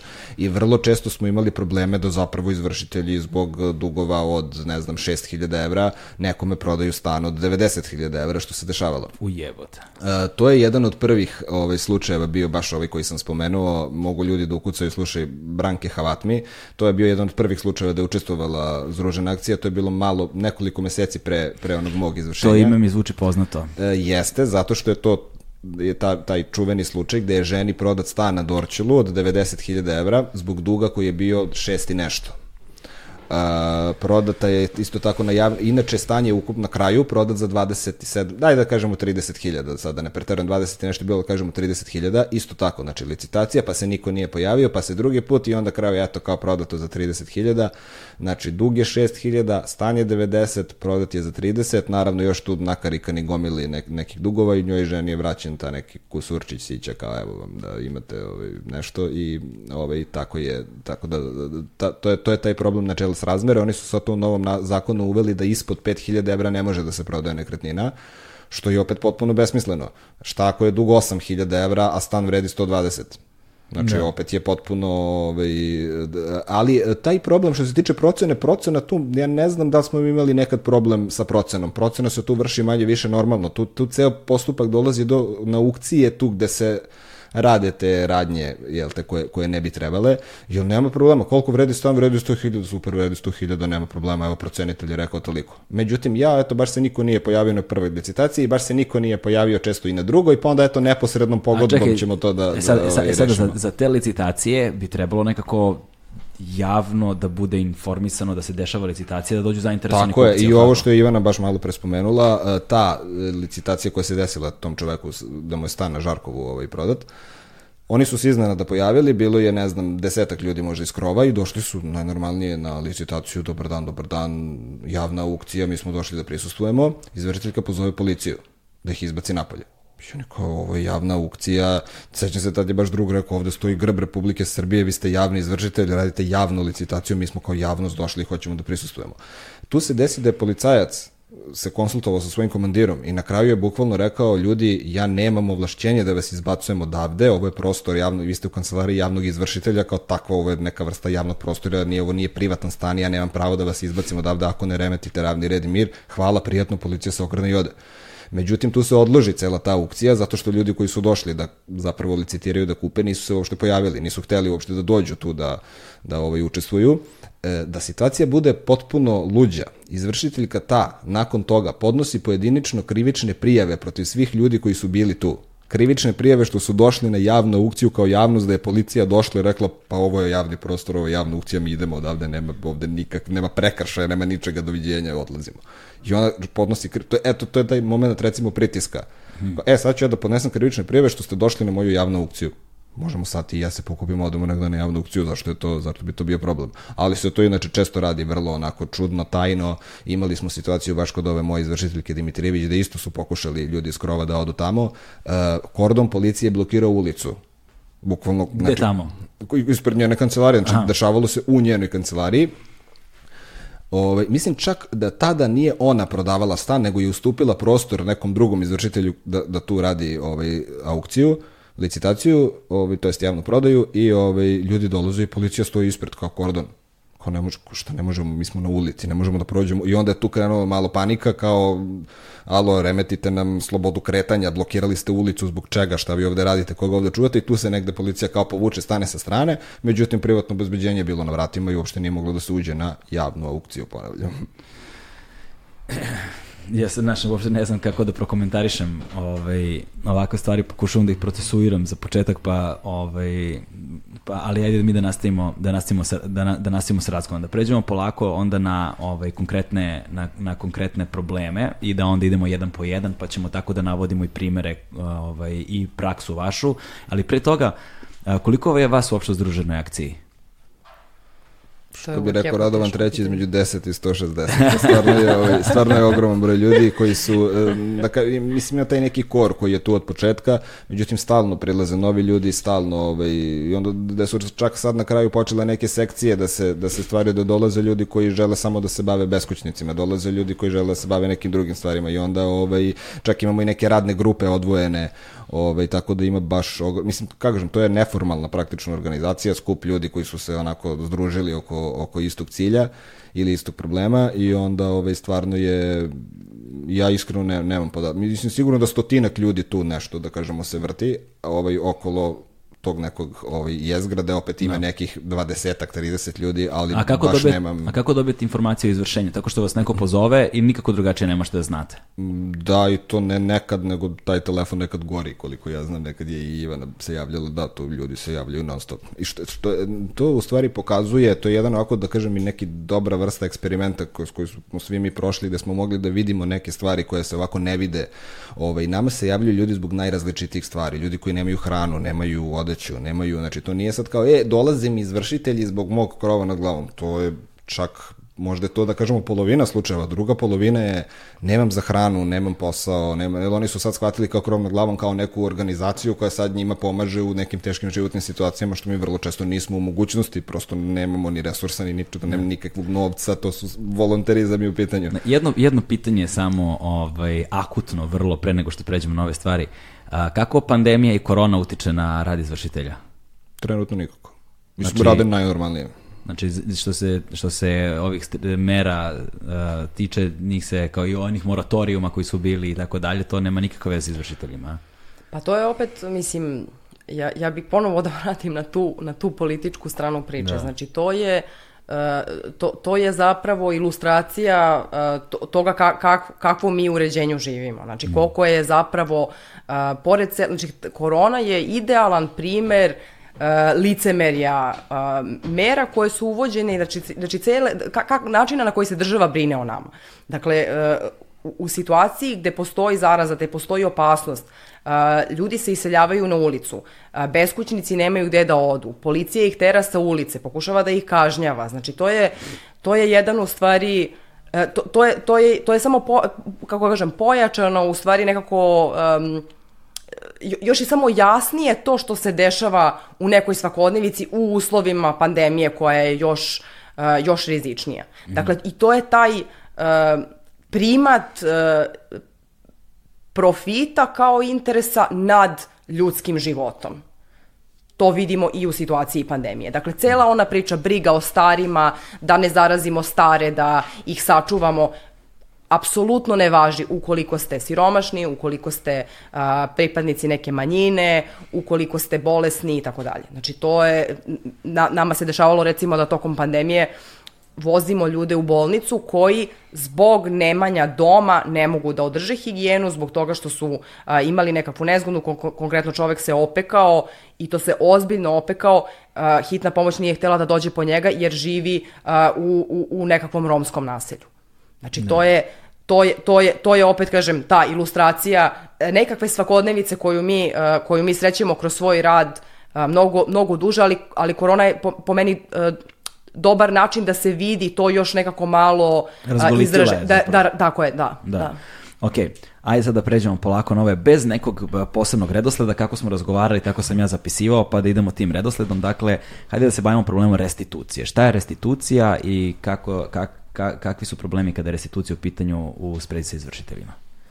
Evo, mogu, ja, pošto, pošto radimo, ovaj, radimo i neko istraživanje ovaj, na tu temu, dakle, opet je to, uh, restitucija znači vraćanje nekakve imovine prethodnim vlasnicima. U ovom slučaju to su predratni vlasnici, budući da je uh, nakon drugog svetskog rata uh, privatna svojina prešla u društvenu mm -hmm. sa nekakvim sitnim izuze, izuzecima i nakon uh, Uh, konkretno zakon, zakon o restituciji je uveden 2005. prvi nacrt pa 2006. Pa je stupio na snagu uh, doveden je, donesen je zakon da, da sve što je nekada nacionalizovano sve što je oduzimano prvobitnim vlasnicima se njima vraća mm -hmm.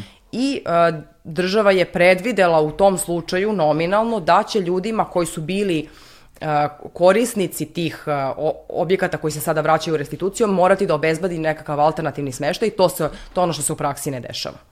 Znači i uh, slučajevi uh, ljudi sa kojima smo mi radili uh, su upravo to, opet pokazuju taj nekakav mehanizam. Dakle, hajde da mi sprovedemo, hajde da mi prvo zadovoljimo tu, po, tu, tu, to kao nekakvo pravo koje se sada jako, prepoznaje kao jako važno u, u, u neoliberalnom sistemu, pravo na uživanje privatne svojine, to je uzelo primat nad pravom na dom. Dakle, u većini tih situacija gde imamo restituciju kao razlog iseljenja, država ne predviđa nikakvu alternativu. Znači ne, ne, ne daje nikakav smeštaj, ni privremen, a kamoli stalan i recimo to uh, vidimo takođe i u tome što se više ne grade nikakvi socijalni stanovi, dakle nikakvi stanovi za ljude koji nemaju načina da uh, svojim radom i svojom zaradom dođu do nekakvog doma. Uh, većina u Beogradu recimo konkretno m, je pa nekih 95% stanova u privatnom vlasništvu i novi objekti koji se grade se grade a, da bi se izdavali nadalje. I onaj mali broj stanova u državnom vlasništvu se ili ne koristi ili je takođe predmet nekakvih malverzacija. Znači država apsolutno nema nikakav odgovor na tu situaciju gde neko ostaje bez doma tom promenom zakona. I to je ono što je Voja pominjao malo pre. Znači, nekako smo jurili da u toj tranziciji uvedemo nekakve promene koje se od nas zahtevaju, a da zapravo uopšte ne vodimo posledice, to je da država ne vodi posledice a, tih nekakvih odluka. Prvo te obaveze, a dakle šta se dešava sa pravima. Šta je sa pravima tih ljudi? Eto, to, su, to, su, to je jedan od, da, od da li, se, da li se zna koliko ljudi uh, je pogođeno problemom restitucije?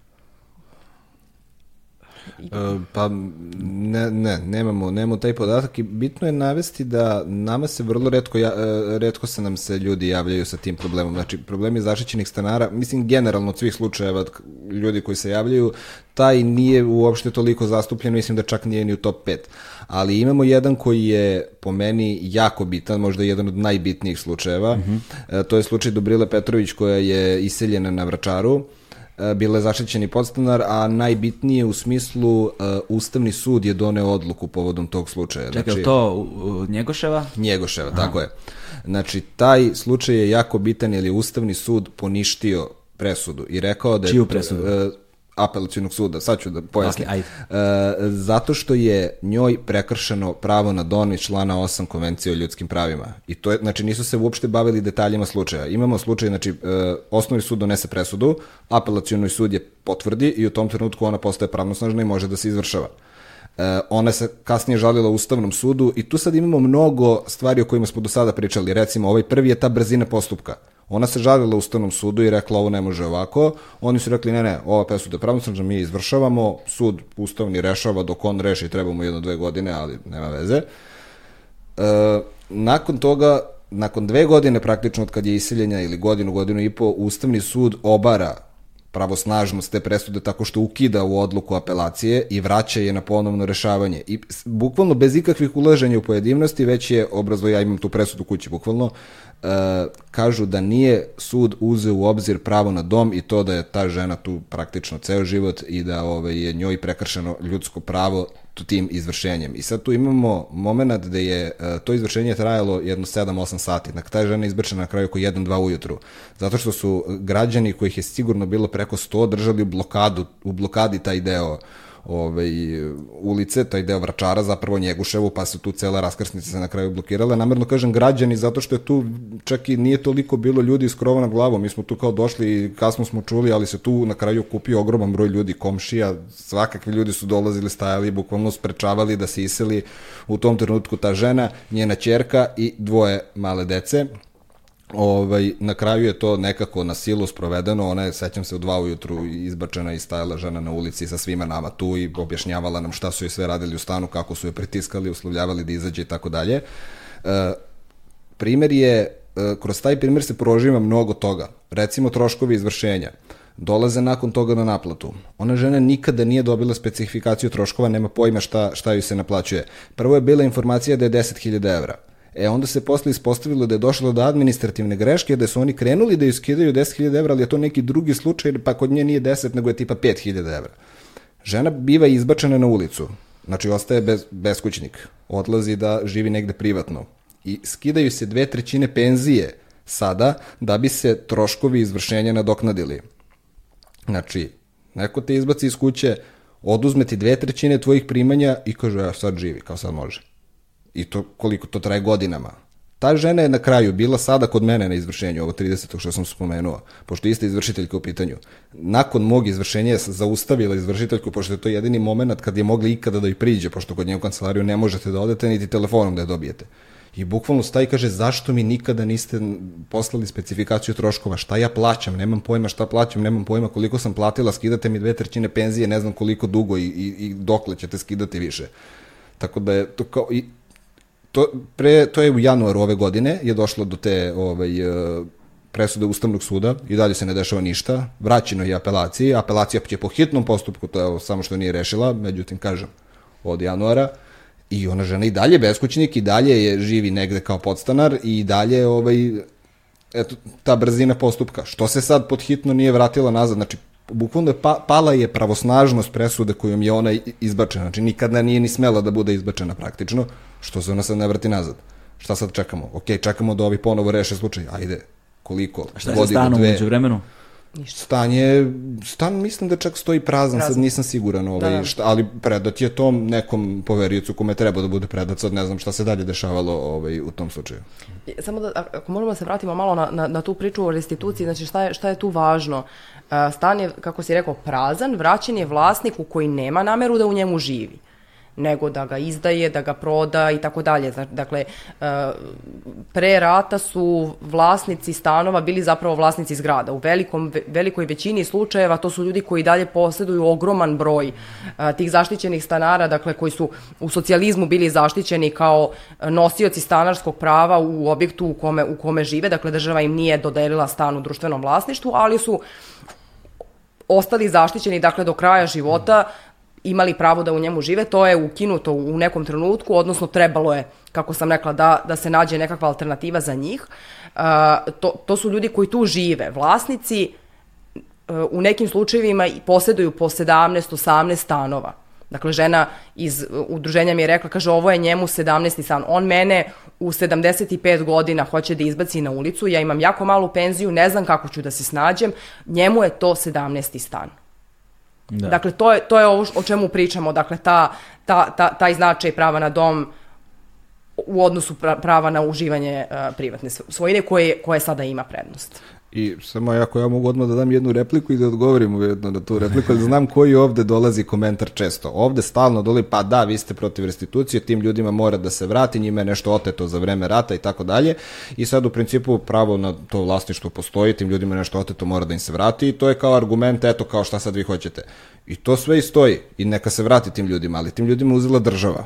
Država na neki način treba da ih obešteti. Znači, pogotovo što se to dešavalo negde 50. 60. 70. i tako dalje. Od tada je dve, tri generacije ljudi su odrasle u tim nekim stanovima, bukvalno rodili se pa dobili decu pa se tada i, 30-40 godina je prošlo i sada kao, e sad ti izađi odatle da se rodio, da ti se majka rodila i ne znam baba i tako dalje, sad treba to da se vrati nekom vlasniku, sve to stoji, ali tu mora ozbiljnije da se pristupi tom problemu. Ako se taj stan vraća, da vidimo gde će država njih da smesti, e, da li postoji drugi način da se obešteti taj neki vlasnik, znači u krajnjoj liniji e, Srbija je preuzela pravno gledano je naslednik svih onih ranijih država. Šta sad nekoga briga što je neko tamo dok je, ovo, dok je ovde bio neki komunizam pa je neko sad davo stanove, a sad nije pa će sad da ih uzima. Mislim, sve vreme radi država, sve se to vreme radi u ime države i zašto bi sad neki pojedinac, tada su, tada su nastradali, da kažemo, ljudi kojima je nešto recimo otimano.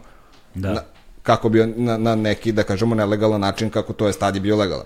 Danas se opet isto radi, opet se nekim drugim ljudima otima da bi se sad vratilo ovima kojima je oteto pre, ne znam, 40 godina. Pa kao ljudi, ajde, država malo da se uključi u to što je radila i da možda ispravi svoje krive drine, a ne sad, sad ćemo ja i ti da se bijemo oko toga da li je tvoj deda nešto imao, pa je to sad kod mene, pa sad mislim...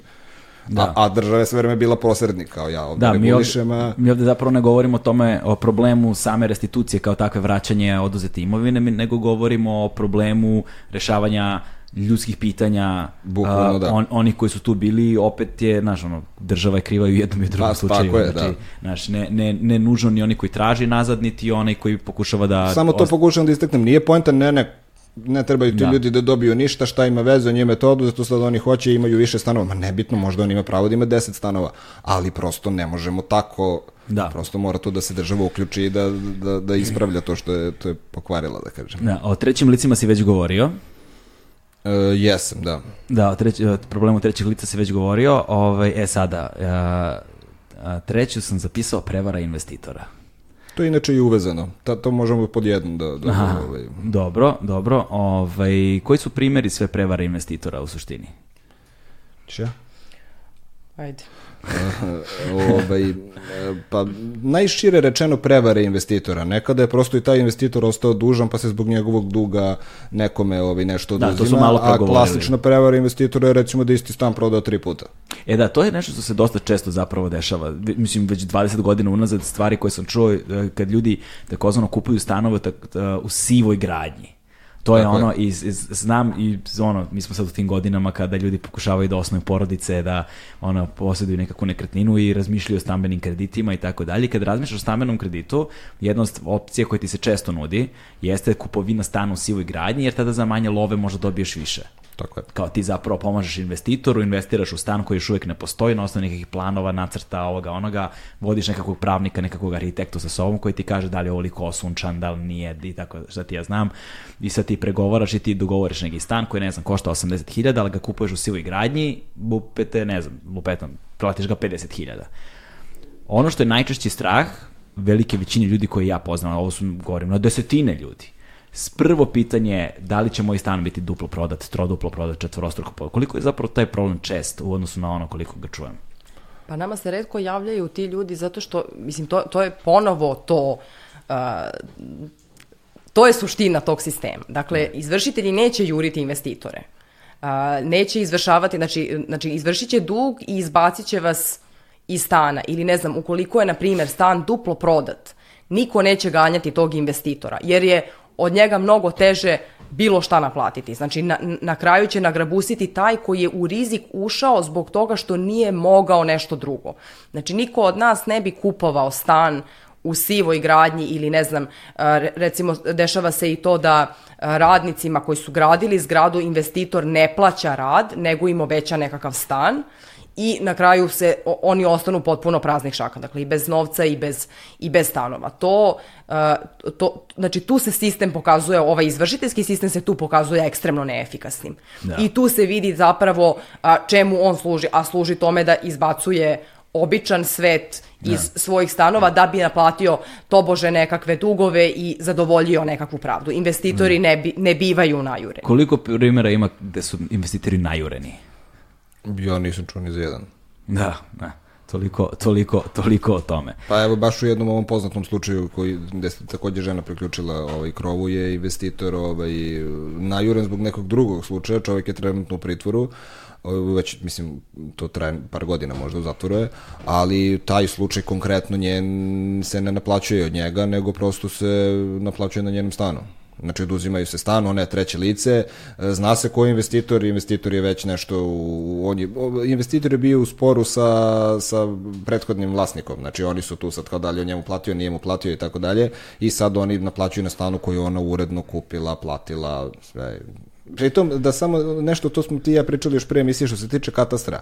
E, imamo situaciju da su ljudi upisali u katastar i ponovo se izvršava nad njihovom imovinom. Znači, to nije nikakva sad kao, evo, upisao sam se u katastar, gotovo 100% kraj u većini slučajeva jeste i to bi trebalo da, da kažemo da završi posao, ali imamo slučaj cijele zgrade, recimo u Mirjevu, to je onaj čuveni slučaj takođe Mirjane Ristić da se žena deset puta branila, pretila će skočiti sa terase, zađivala vrata i tako dalje. On, taj cela zgrada uredno su ljudi kupili, upisali se u katastar. Bukvalno postoji jedan tekst čemu služi katastar nepokretnosti na našem sajtu krovno glavom. Ovo može da se pročita u tom slučaju. Bukvalno ljudi upisali se u katastar, nema nikakve veze, dolazimo, izvršavamo zbog duga investitora, vas izbacujemo napolje. Zelenaški dugovi? Zelenaški dugovi se dešavaju onda kada ljudi ne mogu da se zaduže kod banke. Postoji razlika, znači ko nije kreditno sposoban ili nije sposoban da, što kaže uh, Aleksandar Jovčić, koga sam pominjala malo pre, kaže uh, da, da biste dobili kredit morate da pokažete da vam prvo taj kredit ne treba. Znači, kod zelenaša se zadužuju oni ljudi koji nemaju na drugi način da dođu do pozajmice i ono što je karakteristično tu je da, dakle, to je nelegalno. E, zelenaške firme su često registrovane kao nekakve posredič, posredničke firme i vi uzimate zapravo pozajmicu od nekog fizičkog lica.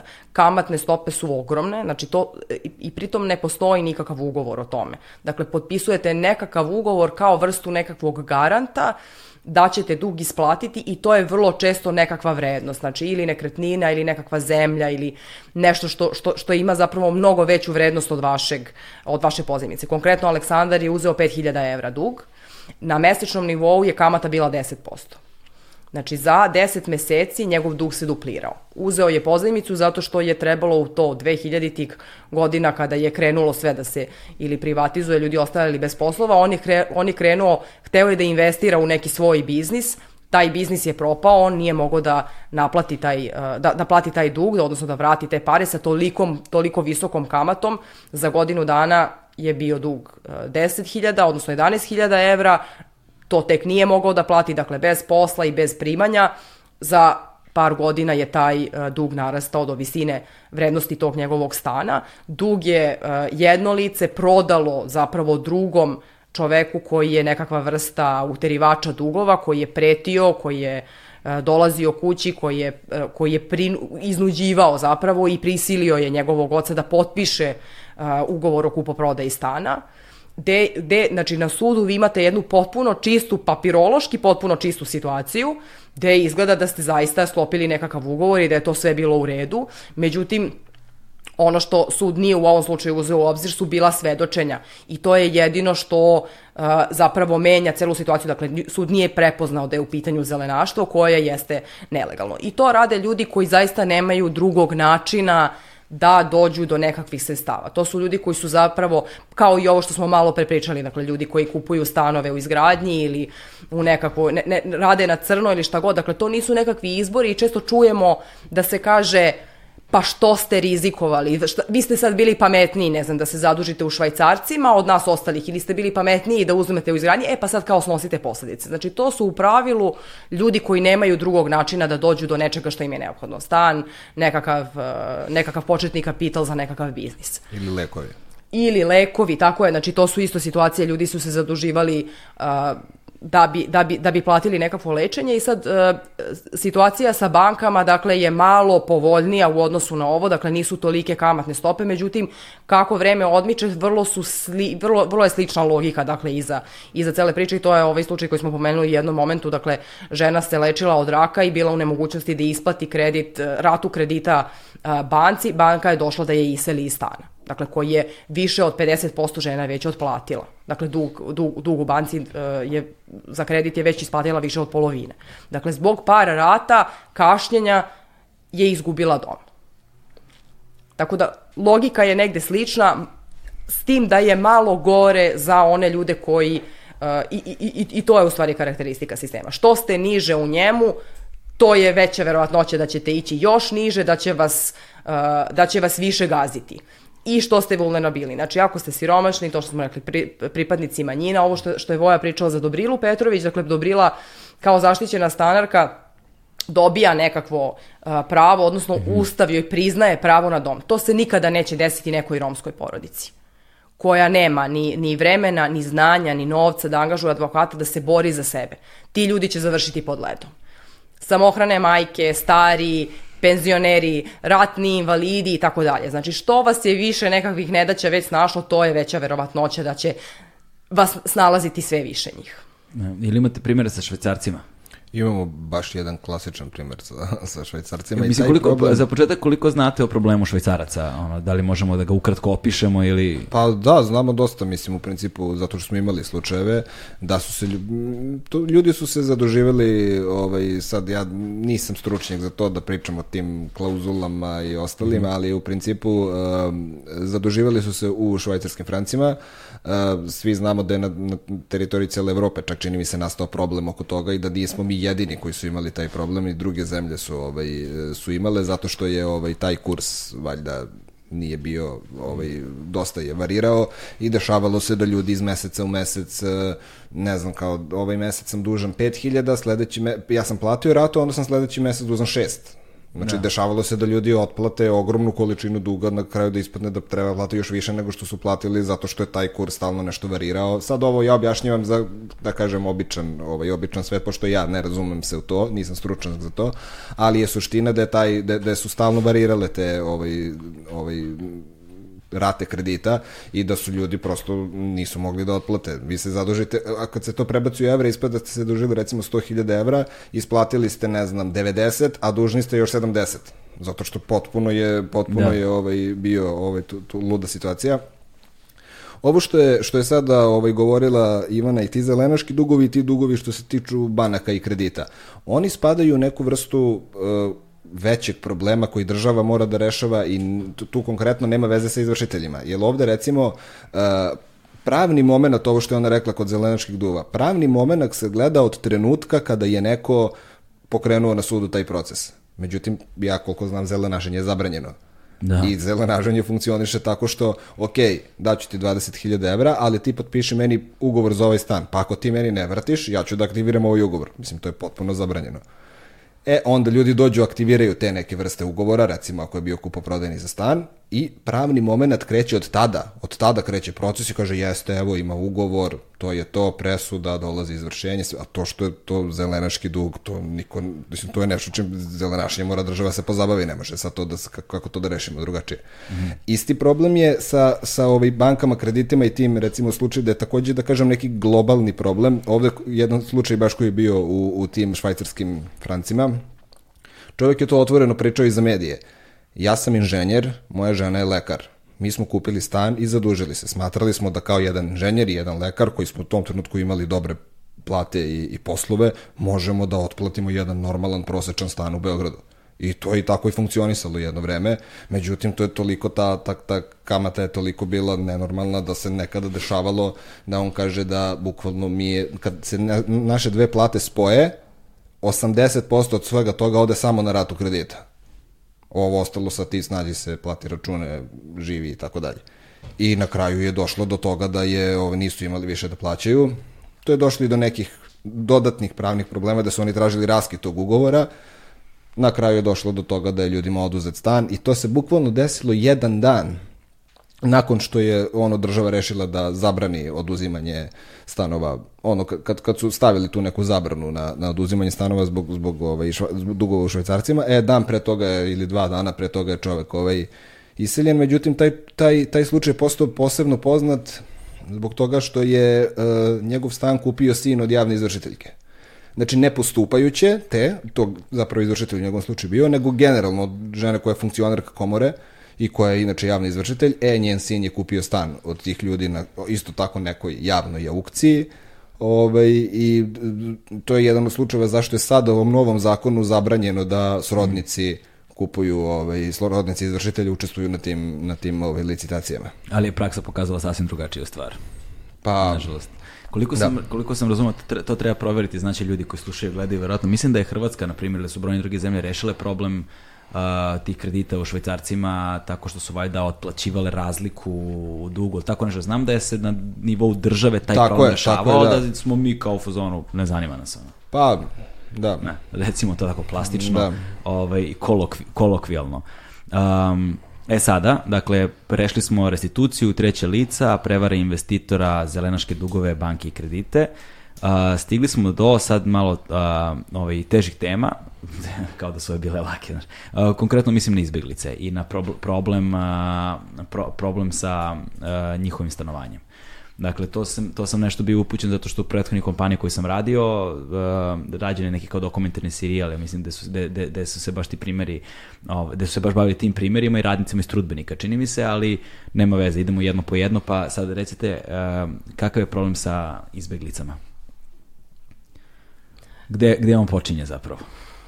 Gde počinje i gde se završava. Da. Dakle, a, konkretno naše iskustvo jeste iskustvo iz Ustaničke, dakle u pitanju je hotel Samački koji komesarijat za izbeglice koristi, odnosno posjeduje za zbrinjavanje izbeglica. Znači, da skratimo malo priču, ovaj, u, u njega su se uselili ljudi koji, koji su izbeglice ili raseljena takozvana lica sa Kosova, koji, koji nisu dobili stan nikakav, dakle na korišćenje nikakav smeštaj i koji su tu zapravo bespravno uh, bespravno stanari, međutim uh, komesarijat njih pokušava da iseli da bi uselio neke drugi izbeglice. Znači to je, to je ta, ta jedna potpuno absurdna situacija u kojoj neki ljudi koji su uh, me, koji su svi ugroženi, sad naravno kompleksno je to izbegliško pitanje, da sad ne ulazimo u nekakve detalje, ali dakle ko, komesarijat iz, iseljava izbeglice iz hotela koji je namenjen za, za, za, za izbegličke porodice. I uh, da, da bi uselio nekakve druge ljude koje je po nekakvim kriterijumima a, tu hteo da smesti, bez opet ikakve ideje o tome gde će ti ljudi na kraju završiti. Dakle, njima isto tako a, sleduje ulica, gomila njih a, tamo su ljudi koji stvarno nemaju načina da žive kao podstanari, to su ljudi koji su već stari, koji su a, zbog tih međunarodnih, odsustva međunarodnih pregovora, dakle između Srbije i Hrvatske, ostali bez nekakvih penzija koje bi im sledovale odande, to su recimo takođe ratni invalidi, koji, to su ljudi bez, bez zaista bez alternative ili kao alternativa im se nude, nudi, na primjer, mladim ljudima da ih se naseljava u nekakvim a, seoskim domaćinstvima gde oni ne mogu da nađu posao, gde ne mogu da nastave da se izdržavaju. Znači, to je ovo što sam pominjala što ste, što ste negde niže, što ste vulnerabilniji, to je manja šansa da ćete uspeti da se za nešto izborite. Dakle, čak nominalno postoji nekakva ponuda za vas, ali ta ponuda je potpuno besmislena i potpuno je absurdna. Kako, Kako će neko bez noge živeti u izolovanom seoskom imanju gde ne može ni da obrađuje zemlju, niti bilo šta ko nema e, penziju, ko nema način da sebi kupi hranu. Šta će da radi? Da umre tamo pa naravno da će onda da, da se bespravno useli u objekat koji je nominalno i namenjen za tu svrhu. Da. A, sad, sve vreme dok pričamo o ovim stvarima, ovaj, ja samo razmišljam kako izgleda situacija na terenu. Znaš, kako izgleda trenutak ono kada, znaš, sad izvršitelji dođu, ovaj, znaš, sad i ti izvršitelji su neki ljudi.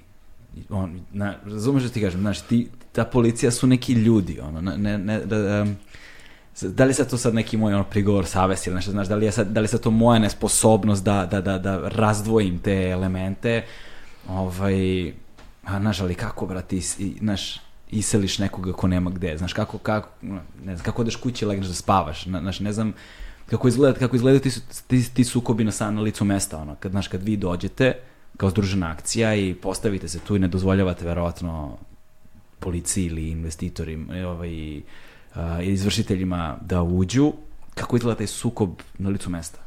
A mi ih često pitamo, baš upravo to što si rekao, kako vi spavate noću da. ili kako možete da to uradite, odgovor izostaje vrlo često. Dakle, skoro smo imali situaciju gde je došla radnica Centra za socijalni rad i rekla je, pa da kaže, ne brinite, ovaj, mi ćemo vašu decu smestiti u dom ili ćemo ih smestiti u hraniteljsku porodicu. I žena je odgovara, kaže, pa jel hoćeš svoje dete da tako ladno smestiš u hraniteljsku porodicu ili u nekakav dom za nezbrinutu decu? Ona naravno u tom momentu svi ćute.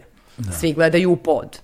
A, ima i onih koji, kojima je to prosto, znači to, profit je njihova ideja iza cele priče, dakle kada govorimo o izvršiteljima i onda tu nema zapravo ni nekakve, ni ne vidi se ta nekakva griža savesti. Znači mi se uvek pitamo ko su ti ljudi koji biraju da na tako svirep način zarađuju od tuđe muke, dakle bukvalno uništavajući uh, ljudske živote takvi ljudi kao što recimo pomenuta Mirena Dimitrijević se vade na nekakvu stručnu savest, na neku profesionalnu savest, pričaju nam tu priču, vi ne razumete dovoljno pravnu stranu ovoga, ali zapravo taj odgovor na pitanje šta je tu važnije, ljudski život, pravo na dom, pravo na nekakvo dostojanstvo ili vaša zarada ili ne znam nekakvo zadovoljenje nekakvog kvazi objektivnog zakona, uh, tu, tu, prosto, tu prosto, prosto tu nema razgovora. Da. Ono što e, njih u, u celoj toj priči zapravo, e, što, ono što im smeta jeste ta javnost i jeste prisustvo združene akcije zbog toga što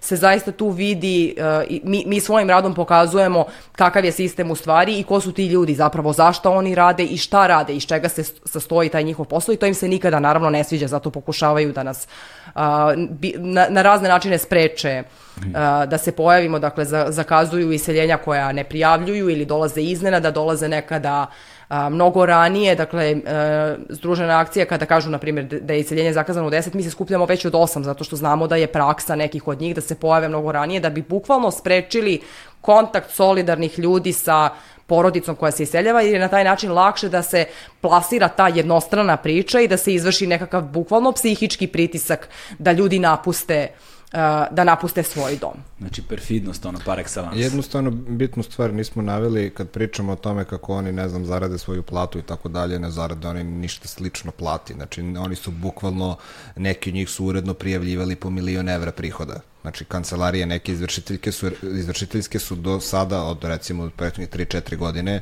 zaradile po nekoliko miliona evra ovaj, prihoda.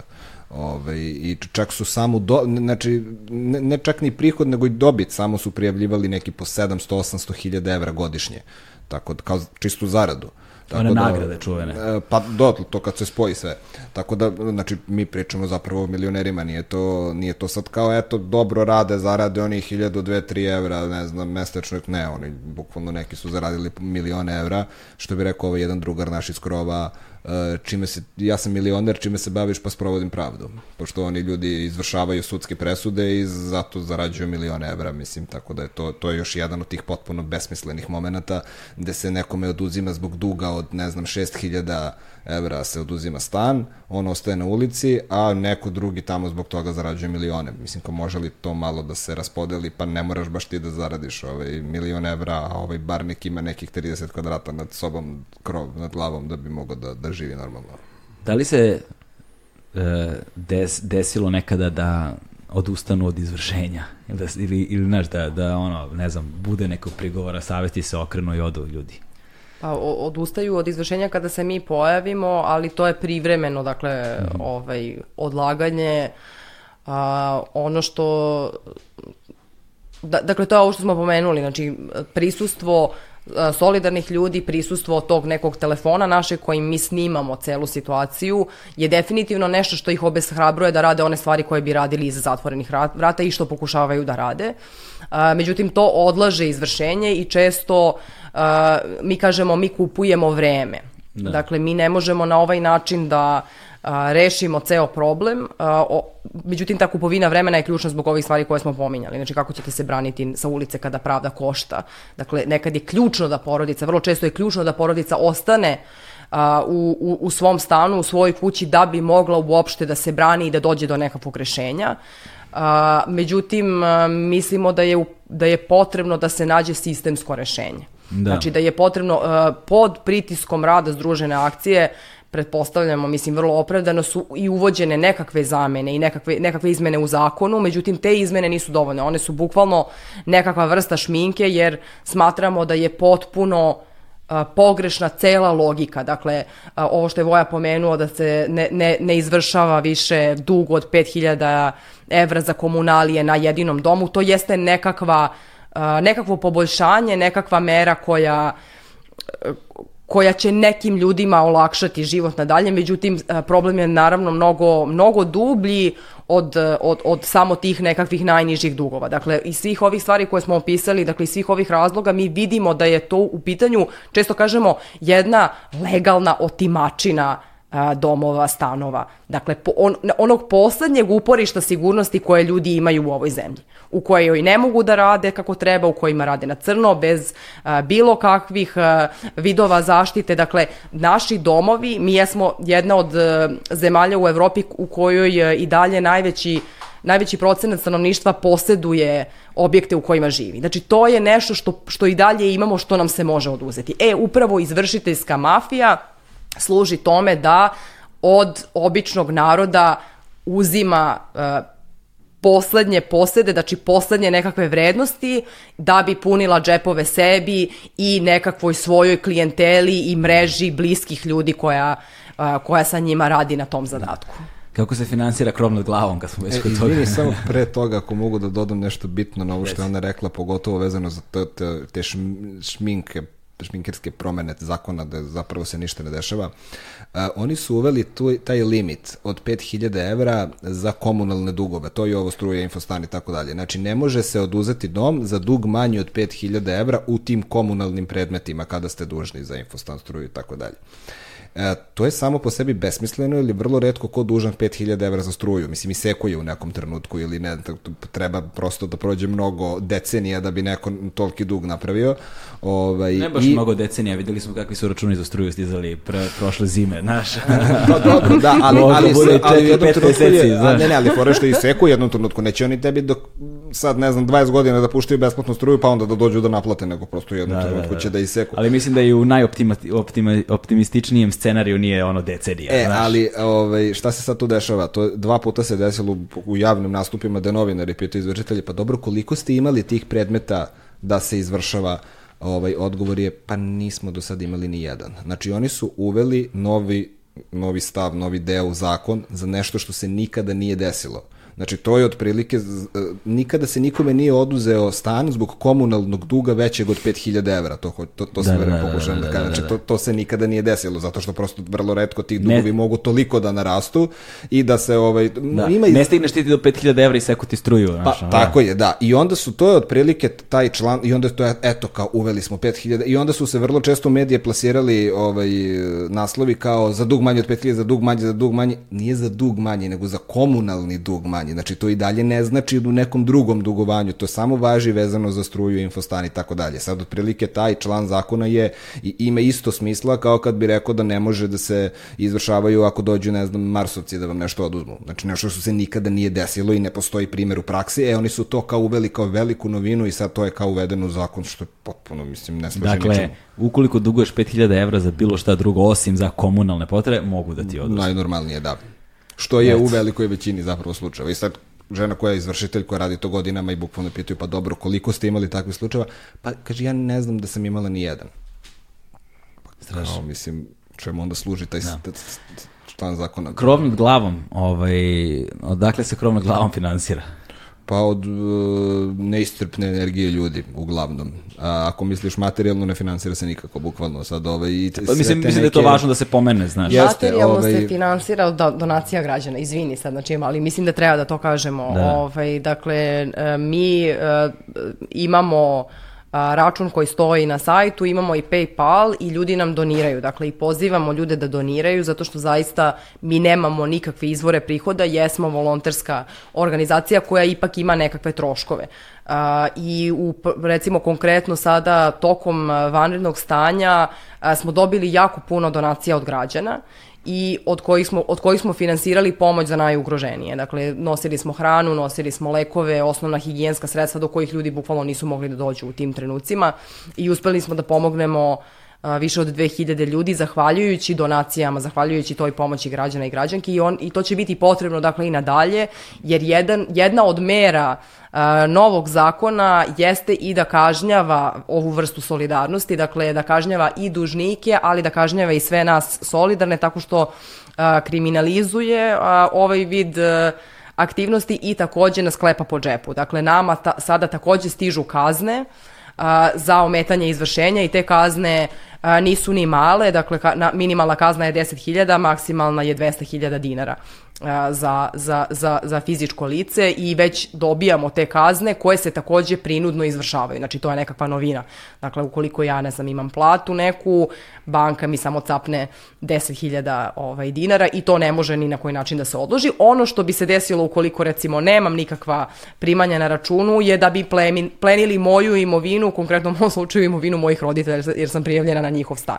Dakle, ne. to je, to je jedan isto vrlo, kako da kažem, perfidan mehanizam koji je uveden da bi se obeshrabrila solidarnost. Dakle, njima uh, uopšte nije Uh, nije im u interesu da nas uh, ni hapse, niti da to izgleda na bilo koji način uh, tragično pod nas, po nas, odnosno da izgleda da, da se od nas prave nekakvi heroji, dakle, nego da se na nek, jedan opet tako vrlo nevidljiv način ljudi iscrpljuju kao što se iscrpljuju dužnici i tim troškovima i a, i seljenja i uopšte psihički, dakle to se sada radi i sa solidarnim građanima. Mi nekada moramo da platimo te kazne i uopšte ne nameravamo da odustanemo od svega ovoga jer mislimo da je potrebno da se izvrši veći sistemski pritisak i to radimo i na druge načine, dakle ne samo što branimo direktno ljude od prinudnih iseljenja, nego tako što se i bavimo tim zakonom, tako što pišemo takođe i inicijativu za ocenu ustavnosti ovog novog zakona o izvršenju i obezbeđenju, dakle, ali za sve to,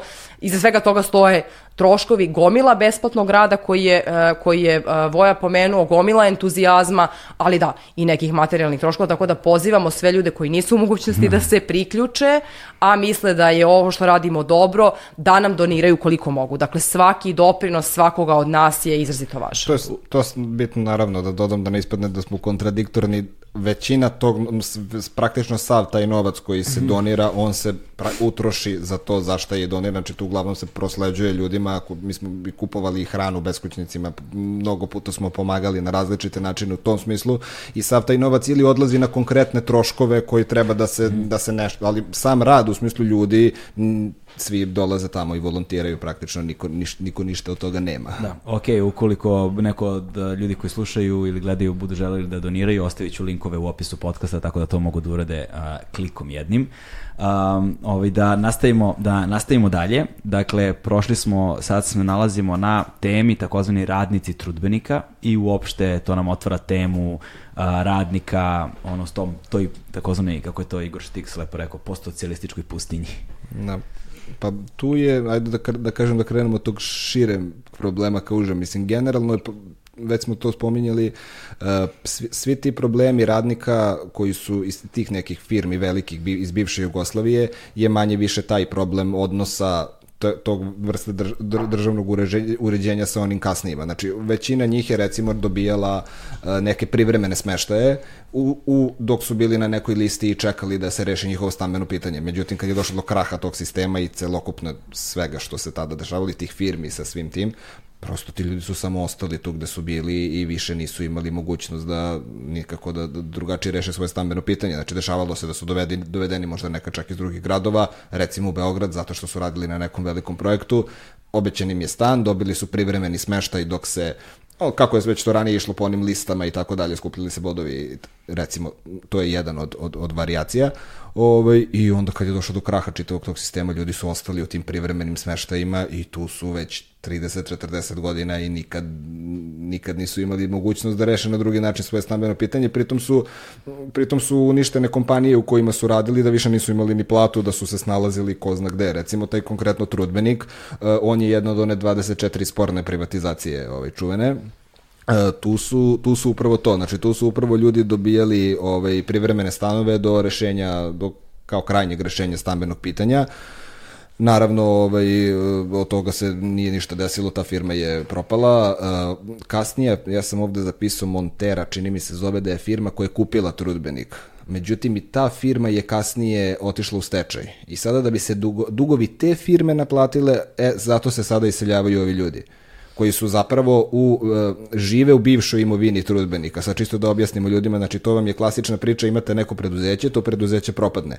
I sad to preduzeće ne vredi ništa, kupi se za neke sitne pare. Ali se recimo dešava da to preduzeće ima nekog građevinskog ili poljoprivrednog zemljišta, ne znam, hektare i hektare Tako da je zapravo bogatstvo tog preduzeća mnogo veće ako se gleda kroz imovinu nego to što je sad ono kao propalo ili više nije i to, to je nešto što mislim sve dođe smo i danas da se takve stvari dešavaju da vi sad kao kupite neko preduzeće koje je bezvredno a u stvari ne znam ima ne znam koliko ara, hektara u, u To kao što je bilo s PKB-om ovo slično. Ba, slično ta priča, da. To nek, ta neka priča se vodila i skoro ovaj, Uh, nisam siguran oko, isto je bilo neki, neki ovi iz Emirata su čit mi se uzimali neku isto kompaniju državnu, pa isto bio problem sa nekim velikim poljoprivrednim zemljištem, sad ne mogu setim, bili su neke emisije na tu temu, ali u suštini to je, to, to je taj problem, znači prosto ne, ne vodi se uopšte računa da su neki radnici zapravo radili u tom trudbeniku, da je taj trudbenik imao neka svoja, u ovom slučaju, zgrade, gde su ljudi stanovali I da je sve tu u tom procesu privatizacije i svega toga to kao prodato, oduzeto, raščlanjeno i tako dalje,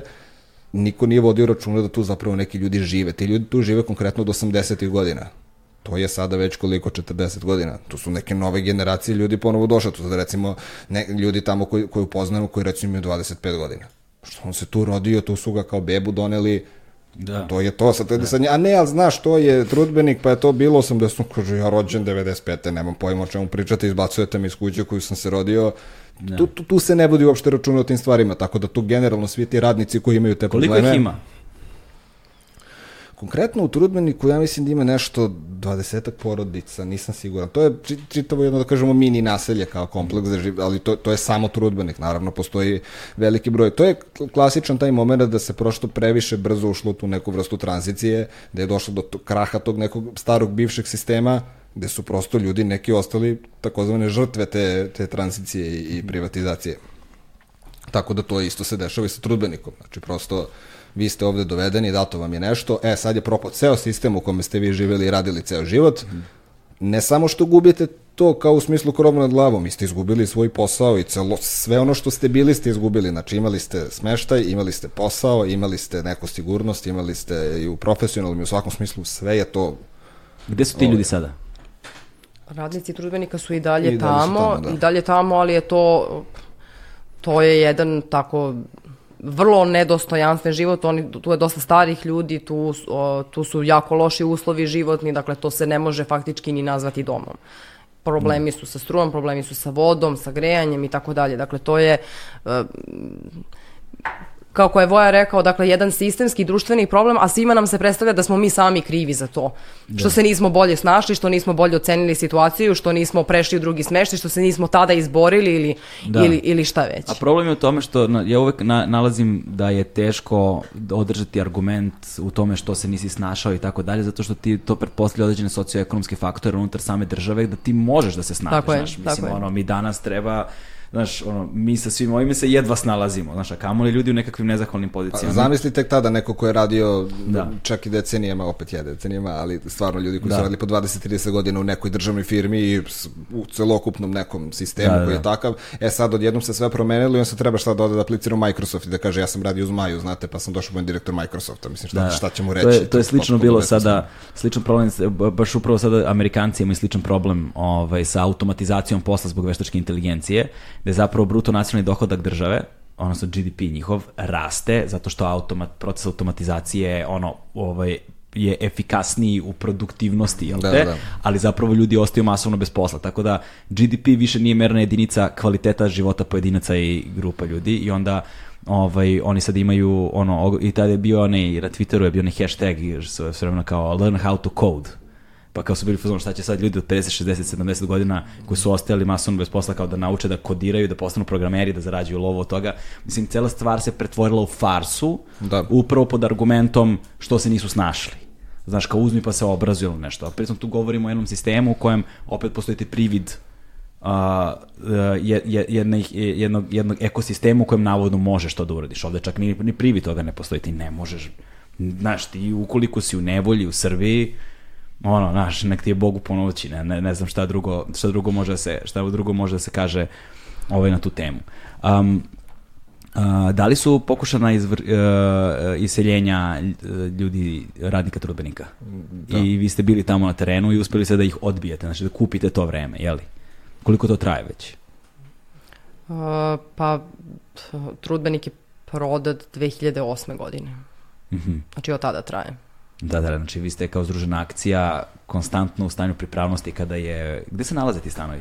Mm, to je Zvezdara tamo kod okretnice, kraj bulevara, tamo gde je okretnica tramvaja, pa, pa ispod onaj deo, to je, tu je ovaj, ovaj, to naselje, ali e, tu je negde, ako možemo tako da kažemo, gde se reće u nesreći, kod tih e, grupnih priča, kao što su i, i, i ti radnici i te izbjeglice iz, iz, iz Ustaničke koje smo branili, ovaj, e, teško je izvršiti sada, imaju, imaju čak par zgrada koji imaju problem sa, sa investitorima, gde cela zgrada treba da se izbaci ovaj, na ulicu, to je recimo, ne znam, 20 stanova, tu je malo teško izvršiti zato što su ti ljudi sami po sebi su tu i oni dovoljno da se oni izbiju zajedno i da ne dozvole i teže je ovaj ne samo fizički na terenu nego je uopšte prosto problem je takav socijalno, socijalno je takav da ne može da se teško je malo izvršiti. Sad kad sad ću da dođem 50 ljudi da izbacim to prosto automatski ide iz veliki broj medija i svega i svačega. Tu, je, tu su recimo meni baš dali primer ovaj o, napominjem ovaj svoj slučaj gde su mi gde je inače Jukon se uključio u ovaj u tu odbranu da kažem uključio se u moj slučaj i baš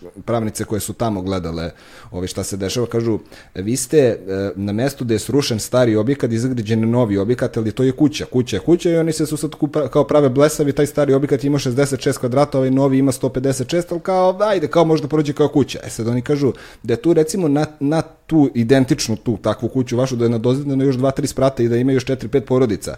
E, tu bi već izvršiteljka morala da dođe i da kaže, a pa ne postoji objekat izvršenja, što je i u ovom slučaju tako, ali ovde smo mi sami, pa kad se izdvoje onda mogu da rade svašta, da se tu sad pojavi 5, 6, 10 porodica, 15 stanova, možda čak 20, 30 ljudi, onda je malo teže. I da. onda tu dolazi do tog jednog momenta koji ti, ipak ljudi koji su zajedno u problemu moraju se držati zajedno, to je generalno nešto što, ovaj, znači ta solidarnost je jako bitna i pogotovo ljudi koji imaju ovaj problem moraju da se nekako združe, jer samo tako mogu da ga reše. Zato se i zovemo združena akcija da, na kraju. Znači, kao, kao, kao i u mnogim drugim stvarima u životu, solidarnost je ključ. Da, Znaš, jako, jako. Koja nam, nažalost, bitno, zvuči da. tako jednostavno, a tako je teško postići je.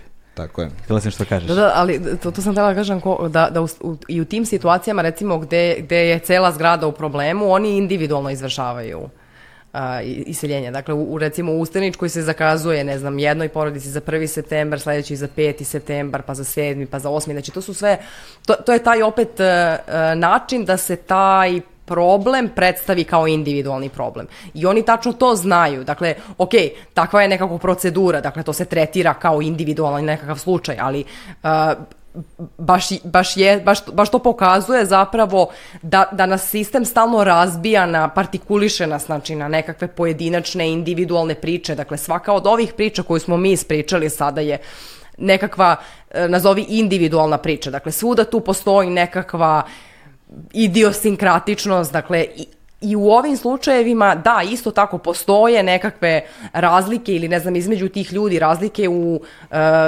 konkretnim razlozima za izvršenje, ali u suštini svojoj to mhm. jeste društveni problem i to, je, to se vidi u tim situacijama gde se izvršava nad celom zgradom ili ne znam, nad tim objektima de, za privremeni smeštaj radnika, trudbenika, hidrotehnike i tako dalje. Ali sistem to ne tretira kao takvo, jer upravo kao što si rekao, dakle, e, izbegava se na sve moguće načine da se da, da ljudi e, shvate da solidarnošću zapravo možemo da odbranimo nekakva naša prava koja nisu moja individualna prava.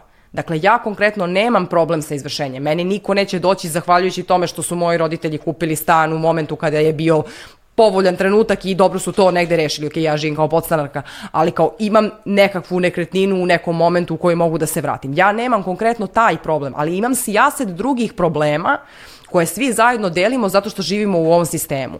I to nije problem moje nesnalažljivosti da ja sebi obezbedim stan, niti je uh, problem njegove, ne znam, lenjosti njegove porodice što se nije uknjižila ili što nije rešila uh, neko svoje stambeno pitanje. Ne, nego na, nego na sistem sve gura u te neke vrlo vulnerabilne pozicije i e, e, predstavlja nas kao krivce za to. I onda se ne znam čuje to kao a Srbi su ovakav narod mi smo to da komši crkne krava mi smo ne znam svako za sebe ili ne znam ne vrednujemo ovo ono ali, ali, u, suš, ali suština jeste to da da, da, da nas je taj sistem u koji smo ušli nakon socijalizma zapravo doveo sve, sve zajedno nas je doveo u ove pozicije i zapravo delimo mnogo više zajedničkih problema nego što se to čini. A težnja je da se predstavljaju oni kao nekako vrlo pojedinačni i kao nekakvi da li izuzeci ili i tako dalje. Da, ovaj, kao što lepo prikazuje film Brazil Terija Gilijama, ono kako izgleda život u, u hororu birokratijama, da mu dođe pleona, dođe pleonazam nekakav ono, pošto birokratija po definiciji budi, da. jeste nekakav horor.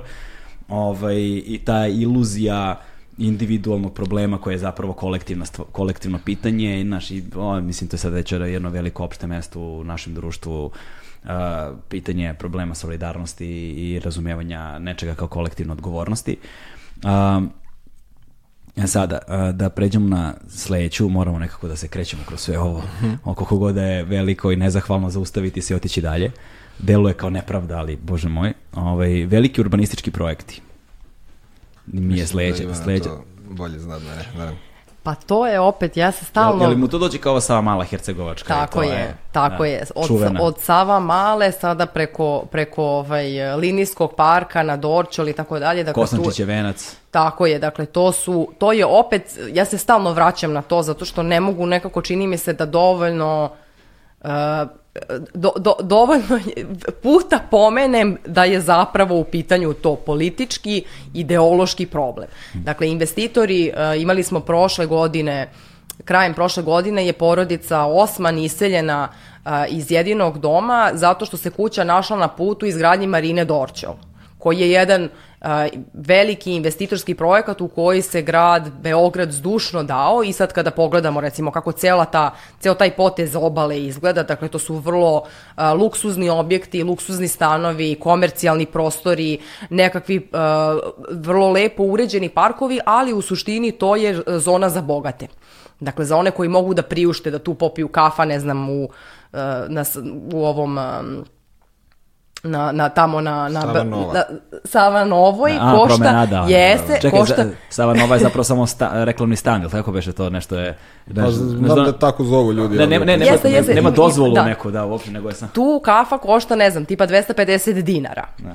A u, ko, na Dorčulu gde ja živim, u staroj kafanici košta 120 dinara. Znači, vrlo nam je jasno kome je taj prostor namenjen i d- e, grad iseljava a, sve one nepodobne, dakle, iz te zone koji će naružiti taj novi Beograd, kako nam se to prodaje, nekakav novi, savremeni, a, moderni Beograd koji je u skladu sa trendovima, New York nam je, ne znam, nekakva ideja vodilja i njihov linijski park, dakle, iseljava svo ono staro, starosedeoce, one koji su zapali u siromaštvo. Dakle, moje komšije, a, ja viđem da jedu iz kontejnera.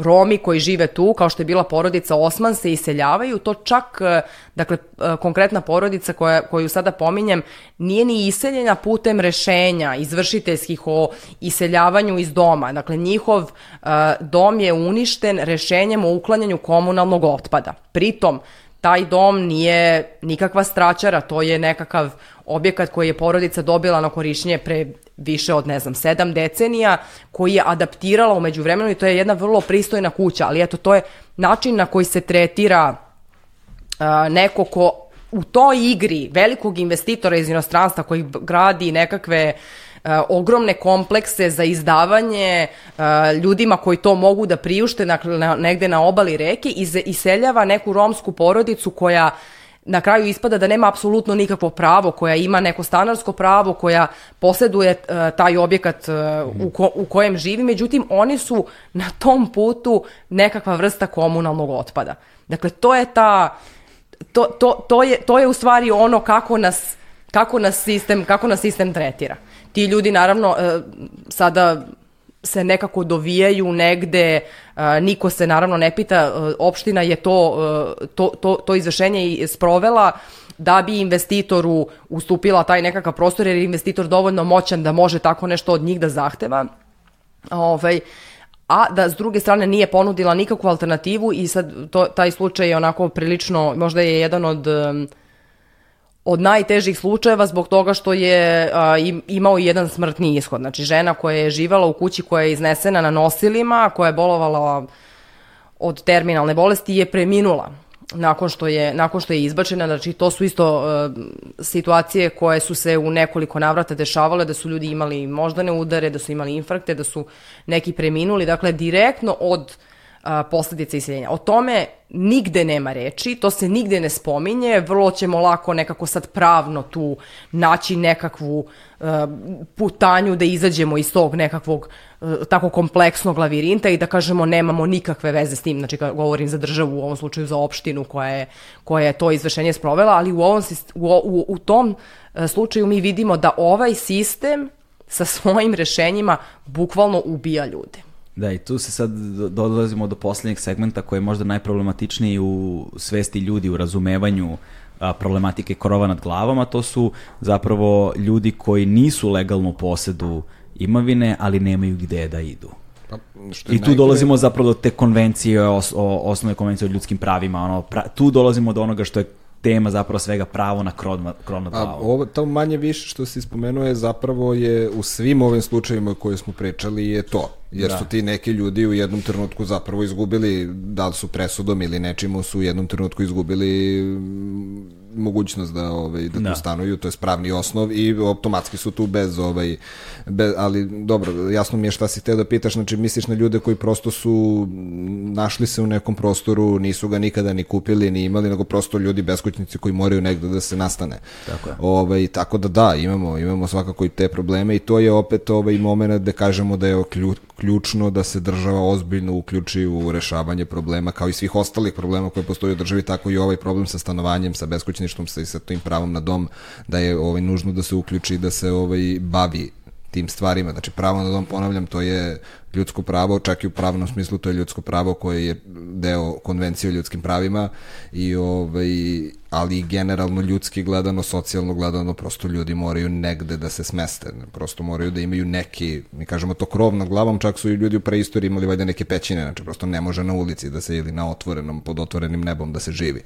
Ovaj, Tako da, naravno, ima veliki broj tih ljudi koji na kraju krajeva postanu beskućnici u nekom trenutku i od, i od ovih slučajeva koji smo spomenuli, prosto postanu ljudi nakon toga beskućnici.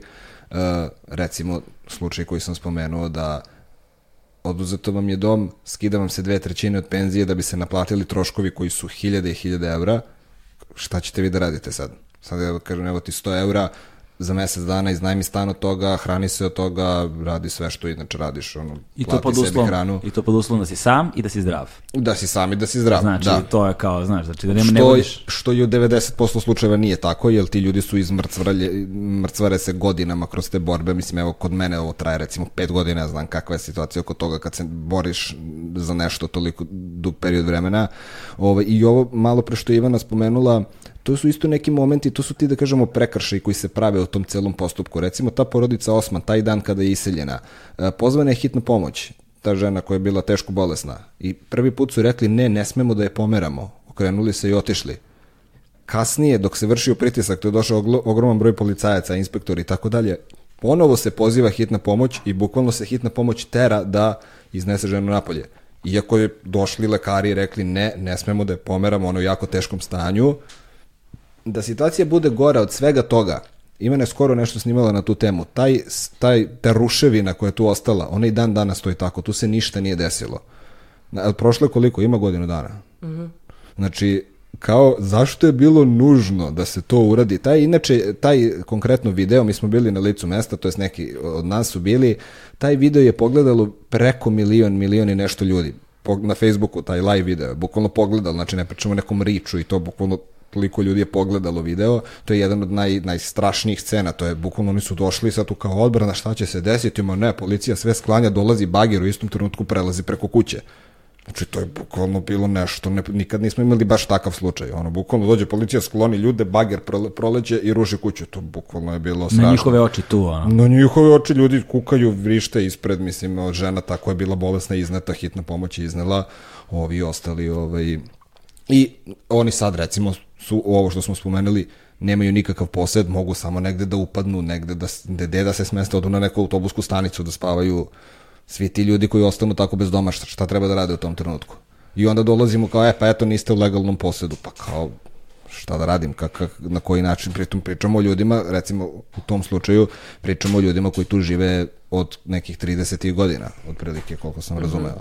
-hmm. Znaš, to je problem socijalne nepravde u velikoj meri i u, u ovakvim slučajevima je, nažalost, kod nas ne samo kod nas, mislim da je to malo, malo i globalni problem, ali to je uvek nekako se posmatra kao problem nekog drugog. Da, kao da, neka da. stvar koja se tebe ne tiče, koja je, mm -hmm. znaš, me, ja se uvek, um, podsjeća me na, um, uh, podsjeća me na priču jednu bugarskog uh, pisca i pesnika Hristos Mirnenski, se, se, se zvao do 23. godine, napisao tu kratku priču koja se zove ovaj, priča o merdevinama ili priča o stepenicama, da ima priču o, o, o liku koji je ono na dnu i ovaj i koji posmatra ove koji su koji su gore visoko kako žive lepe velelepne živote dok se ovi dole najveći deo sirotinje i bede muči strašno znaš i ovaj i na samom vrhu piramide sa tim najprestižnijim je đavo. Znači sada on bi da ovaj, se popne gore u socijalnu lestvicu, jel te, i za svaki korak đavo traži nešto za usvrt. Znaš.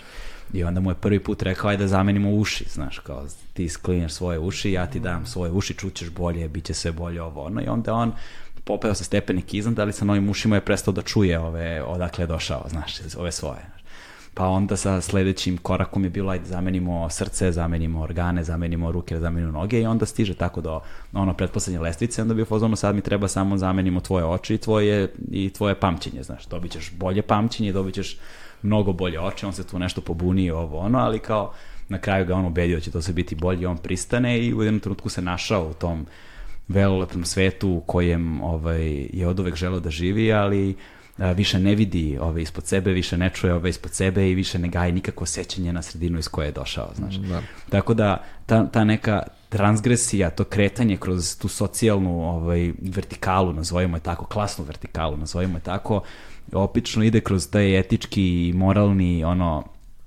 problem um, koje su žrtve koje se podnose, šta je to što ostavljaš iza sebe i koliko zapravo u tim razlikama mi možemo da budemo solidarni, možemo da imamo sluha, da vidimo, čujemo one koji nisu u ovom trenutku u vremenu i prostoru, razumeš, dovoljno privilegovani i imaju dovoljno sreće na kraju krajeva da žive živote kakve živimo mi. Znači, I onda se to pitanje solidarnosti povlači kao vrlo jednostavno, a istovremeno toliko nemoguće. Znači, ta jednostavnost do koje se najteže nekako postiže. Znaš, u, do ovde kada razgovaramo, stvar deluje vrlo prosto. Znaš, mislim, rešenje je zapravo, ono, barem u tom prvom koraku jednostavno. Samo treba da se skupimo i ništa više od toga.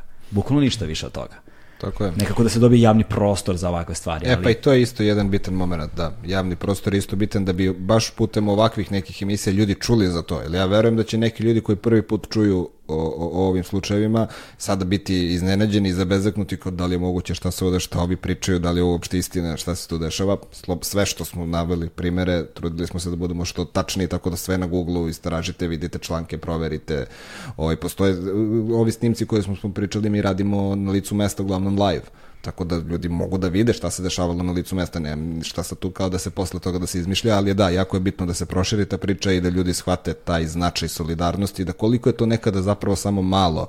Dešavalo se da u tim nekim zgradama kad jednog stane izlaze, kad izbacuju čoveka ili porodicu, da neće prvi komšija ne izađe Kad kažem izađe, čak tu nije ni poenta da se tu neko nek, s nekim bije, mlati, tu nikad nije došlo ni do kakvog nasilja između sad nas i policije, nisu im nikada tukli, niti, niti je to ideja. Či prosto da izađe, da stane tu i da kaže, ej, šta ovo radite, sram vas bilo, da on snima live za svoju neku društvenu mrežu, da to drugi ljudi vide, da se, to, to je momentalni trenutak kada ako je bilo šta sporno, tu se malo zastaje. Jer ako je bilo ko radio bilo šta u celom tom postupku koji nije, ko, koji je doveo do izvršenja i ima bilo kakve sitne prostora za nešto, tu se automatski ovaj, zaustavljaju malo i izvršitelji i svi ostali i u sudovima je tako i prosto kad je javnost tu, nije baš sve jedno da se ovaj da se nastavlja pogotovo ako nešto nismo radili kako treba jer naravno ako nešto ne radiš kako treba poslednje što želiš je da izađeš u dnevniku naravno da znači da, znači ovaj... stalno čujemo argumente protiv mobilnih telefona evo jednog zaka znači da, da. da. ja, ja bih samo da kažem uh, ova, ova priča mi se jako sviđa koju si ispričao da. ovaj samo što mislim da uh, malo je kom, čini mi se da je malo kompleksnija situacija od toga znači mi imamo sad recimo tog jednog koji se peo na toj društvenoj lestvici al onda on posle ima neku decu da, da. koja nikad nisu ni prošla taj nekakav put. Uh, I mislim da, da se u priči uh, pojavljuje empatija mm -hmm. kao nekakav ključni moment, ali uh, mi ovde pričamo o solidarnosti. Znači ja i Voja nikad nećemo biti ti ljudi koji će se do, pope, popeti gore do vrha. Ne, ne samo zato što nećemo da đavolu prodamo svoje uši, oči i tako dalje, nego zato što zaista to ni, ne, ne, nikad nećemo biti u stanju. Znači ne, nećemo moći, nemamo uh, dovoljno tog nekog početnog kapitala da bismo se bacili u nekakav rizik i peli se do tog samog vrha i to je ono što smo pričali znači malo pre što smo niže dole manje je manje je izgledno da ćemo se peti na gore. Dakle sve je pošto su e, društvene razlike veće nego ikada u istoriji dakle to to to to razdvajanje se samo ovako povećava znači taj taj nekakav razmak između nas. A ono što za, zašto kažem e, nije empatija nego solidarnost. E, znači ja bilo ko ovde od nas kada se uključuje u ovakvu neku vrstu akcija zapravo ulaže nekakav rizik. Dakle, mi smo, i, i mi smo, to je ono, ja nemam konkretno problem sa izvršenjem, nemaš ga ti. Ja mogu da kažem, pa dobro, ja ću biti sutra empatična prema Voj, pa ću se tamo negde pojaviti, ali ne, ja ne radim to iz empatije. Ja to radim iz solidarnosti zato što smo mi u istom sosu. Ja konkretno nemam problem sa izvršiteljem. Ali evo recimo sad ovo smo pričali malo pre prema smo počeli da snimamo o tome kako će sad nas freelancere da, da, da oporezuju retroaktivno. Ko će da dođe kada mi budemo protestovali? Jel ću očekivati empatiju ili ću da kažem ne, ovo, ovo je problem uh, koji svi zajedno živimo i uh, uh, u kojem se zaista svi i nalazimo. Znači razlike postoje, nekakve konkretne teme su različite, ali je sama sam tok stvari je zajednički, znači, a to je da nas sve gura pod led. Mene kroz poreze, njega kroz izbacivanje iz jedinog doma. Dakle, mi delimo zapravo tu nekakvu a, situaciju i mislim da je to ključno da prepoznamo. Da kada to prepoznamo, onda to više nije nekakav a, akt humanosti koji mi imamo prema nekom ko je u nepovoljnijoj poziciji. Jako, ja često pominjem sada ljude koji su zaista u najgorim nekim a, situacijama, Romi, invalidi, samohrane majke i tako dalje. Dakle, to su samo ekstremniji primeri onoga što svi mi živimo. I ukoliko nismo solidarni jedni sa drugima, svima će nam biti gore. Znači, meni će biti gore ako ne pomognem njemu. Njemu će biti gore ako ne pomogne meni. Ja mislim da je to ono što nam fali. To je ono što, što, što je u stvari i teže na neki način, znači teže je doći zapravo do tog saznanja da je solidarnost to što nam treba, a ne humanost, mislim da, ok, humanost naravno, ali hoću da kažem ne u onom smislu uh, ja, ja, ja pomognem njemu jer sam ja dobra duša, nego zato što, nam, zato što smo zaista međuzavisni, dakle društvo, ljudska bića su, smo takvi, međuzavisni smo. Znači, ne može meni biti a, dobro ili bolje ako je njemu lošije. Znači, cela ta situacija u kojoj se ne borimo, u kojoj nismo solidarni, omogućava sistemu da nam na različitim mestima stavlja još više nameta, da nas a, spušta još niže na dole. I jedini način je da se udružimo da bismo promenili tu situaciju. Kako? Ovo je odlično rekla. Da, to je, ja, bi, ja bih na ome završio, ovaj, samo bih dodao kako je moj dragi profesor na fakultetu svoje vremeno govorio, kaže, a, za birokratske sisteme, kaže, samo im fali da stave šalter na pod, pa da poniženje bude potpuno. Da. hvala vam puno ovaj, na gostovanju, zaista hvala vam puno na vašoj borbi, a, hvala vam puno na svemu što činite, ovaj, za, za stvari kojima smo govorili o tvom tekstu iz Nove ekonomije, vaš PayPal, uh, broj računa, ostavit ćemo sve u opisu ovog podcasta, vaše društvene mreže, sajt ukoliko imate i ukoliko bude bilo još nešto od primjera, možda taj video sa Facebooka koji si govorio, čisto da ljudi koje zainteresuje ova tema mogu da im je sve na klik dostupno, da mogu vrlo lako i brzo da pristupe svim informacijama i ukoliko su mogućnosti i žele to da urade, da pomogu. Hvala tebi puno i što ovaj, uopšte se baviš ovim temama koje su jako bitne. Ovaj. Hvala vam, hvala vam puno. Hvala. Uzdravi, gotovi smo, to je to. Kraj. Ćao. Hvala, čao.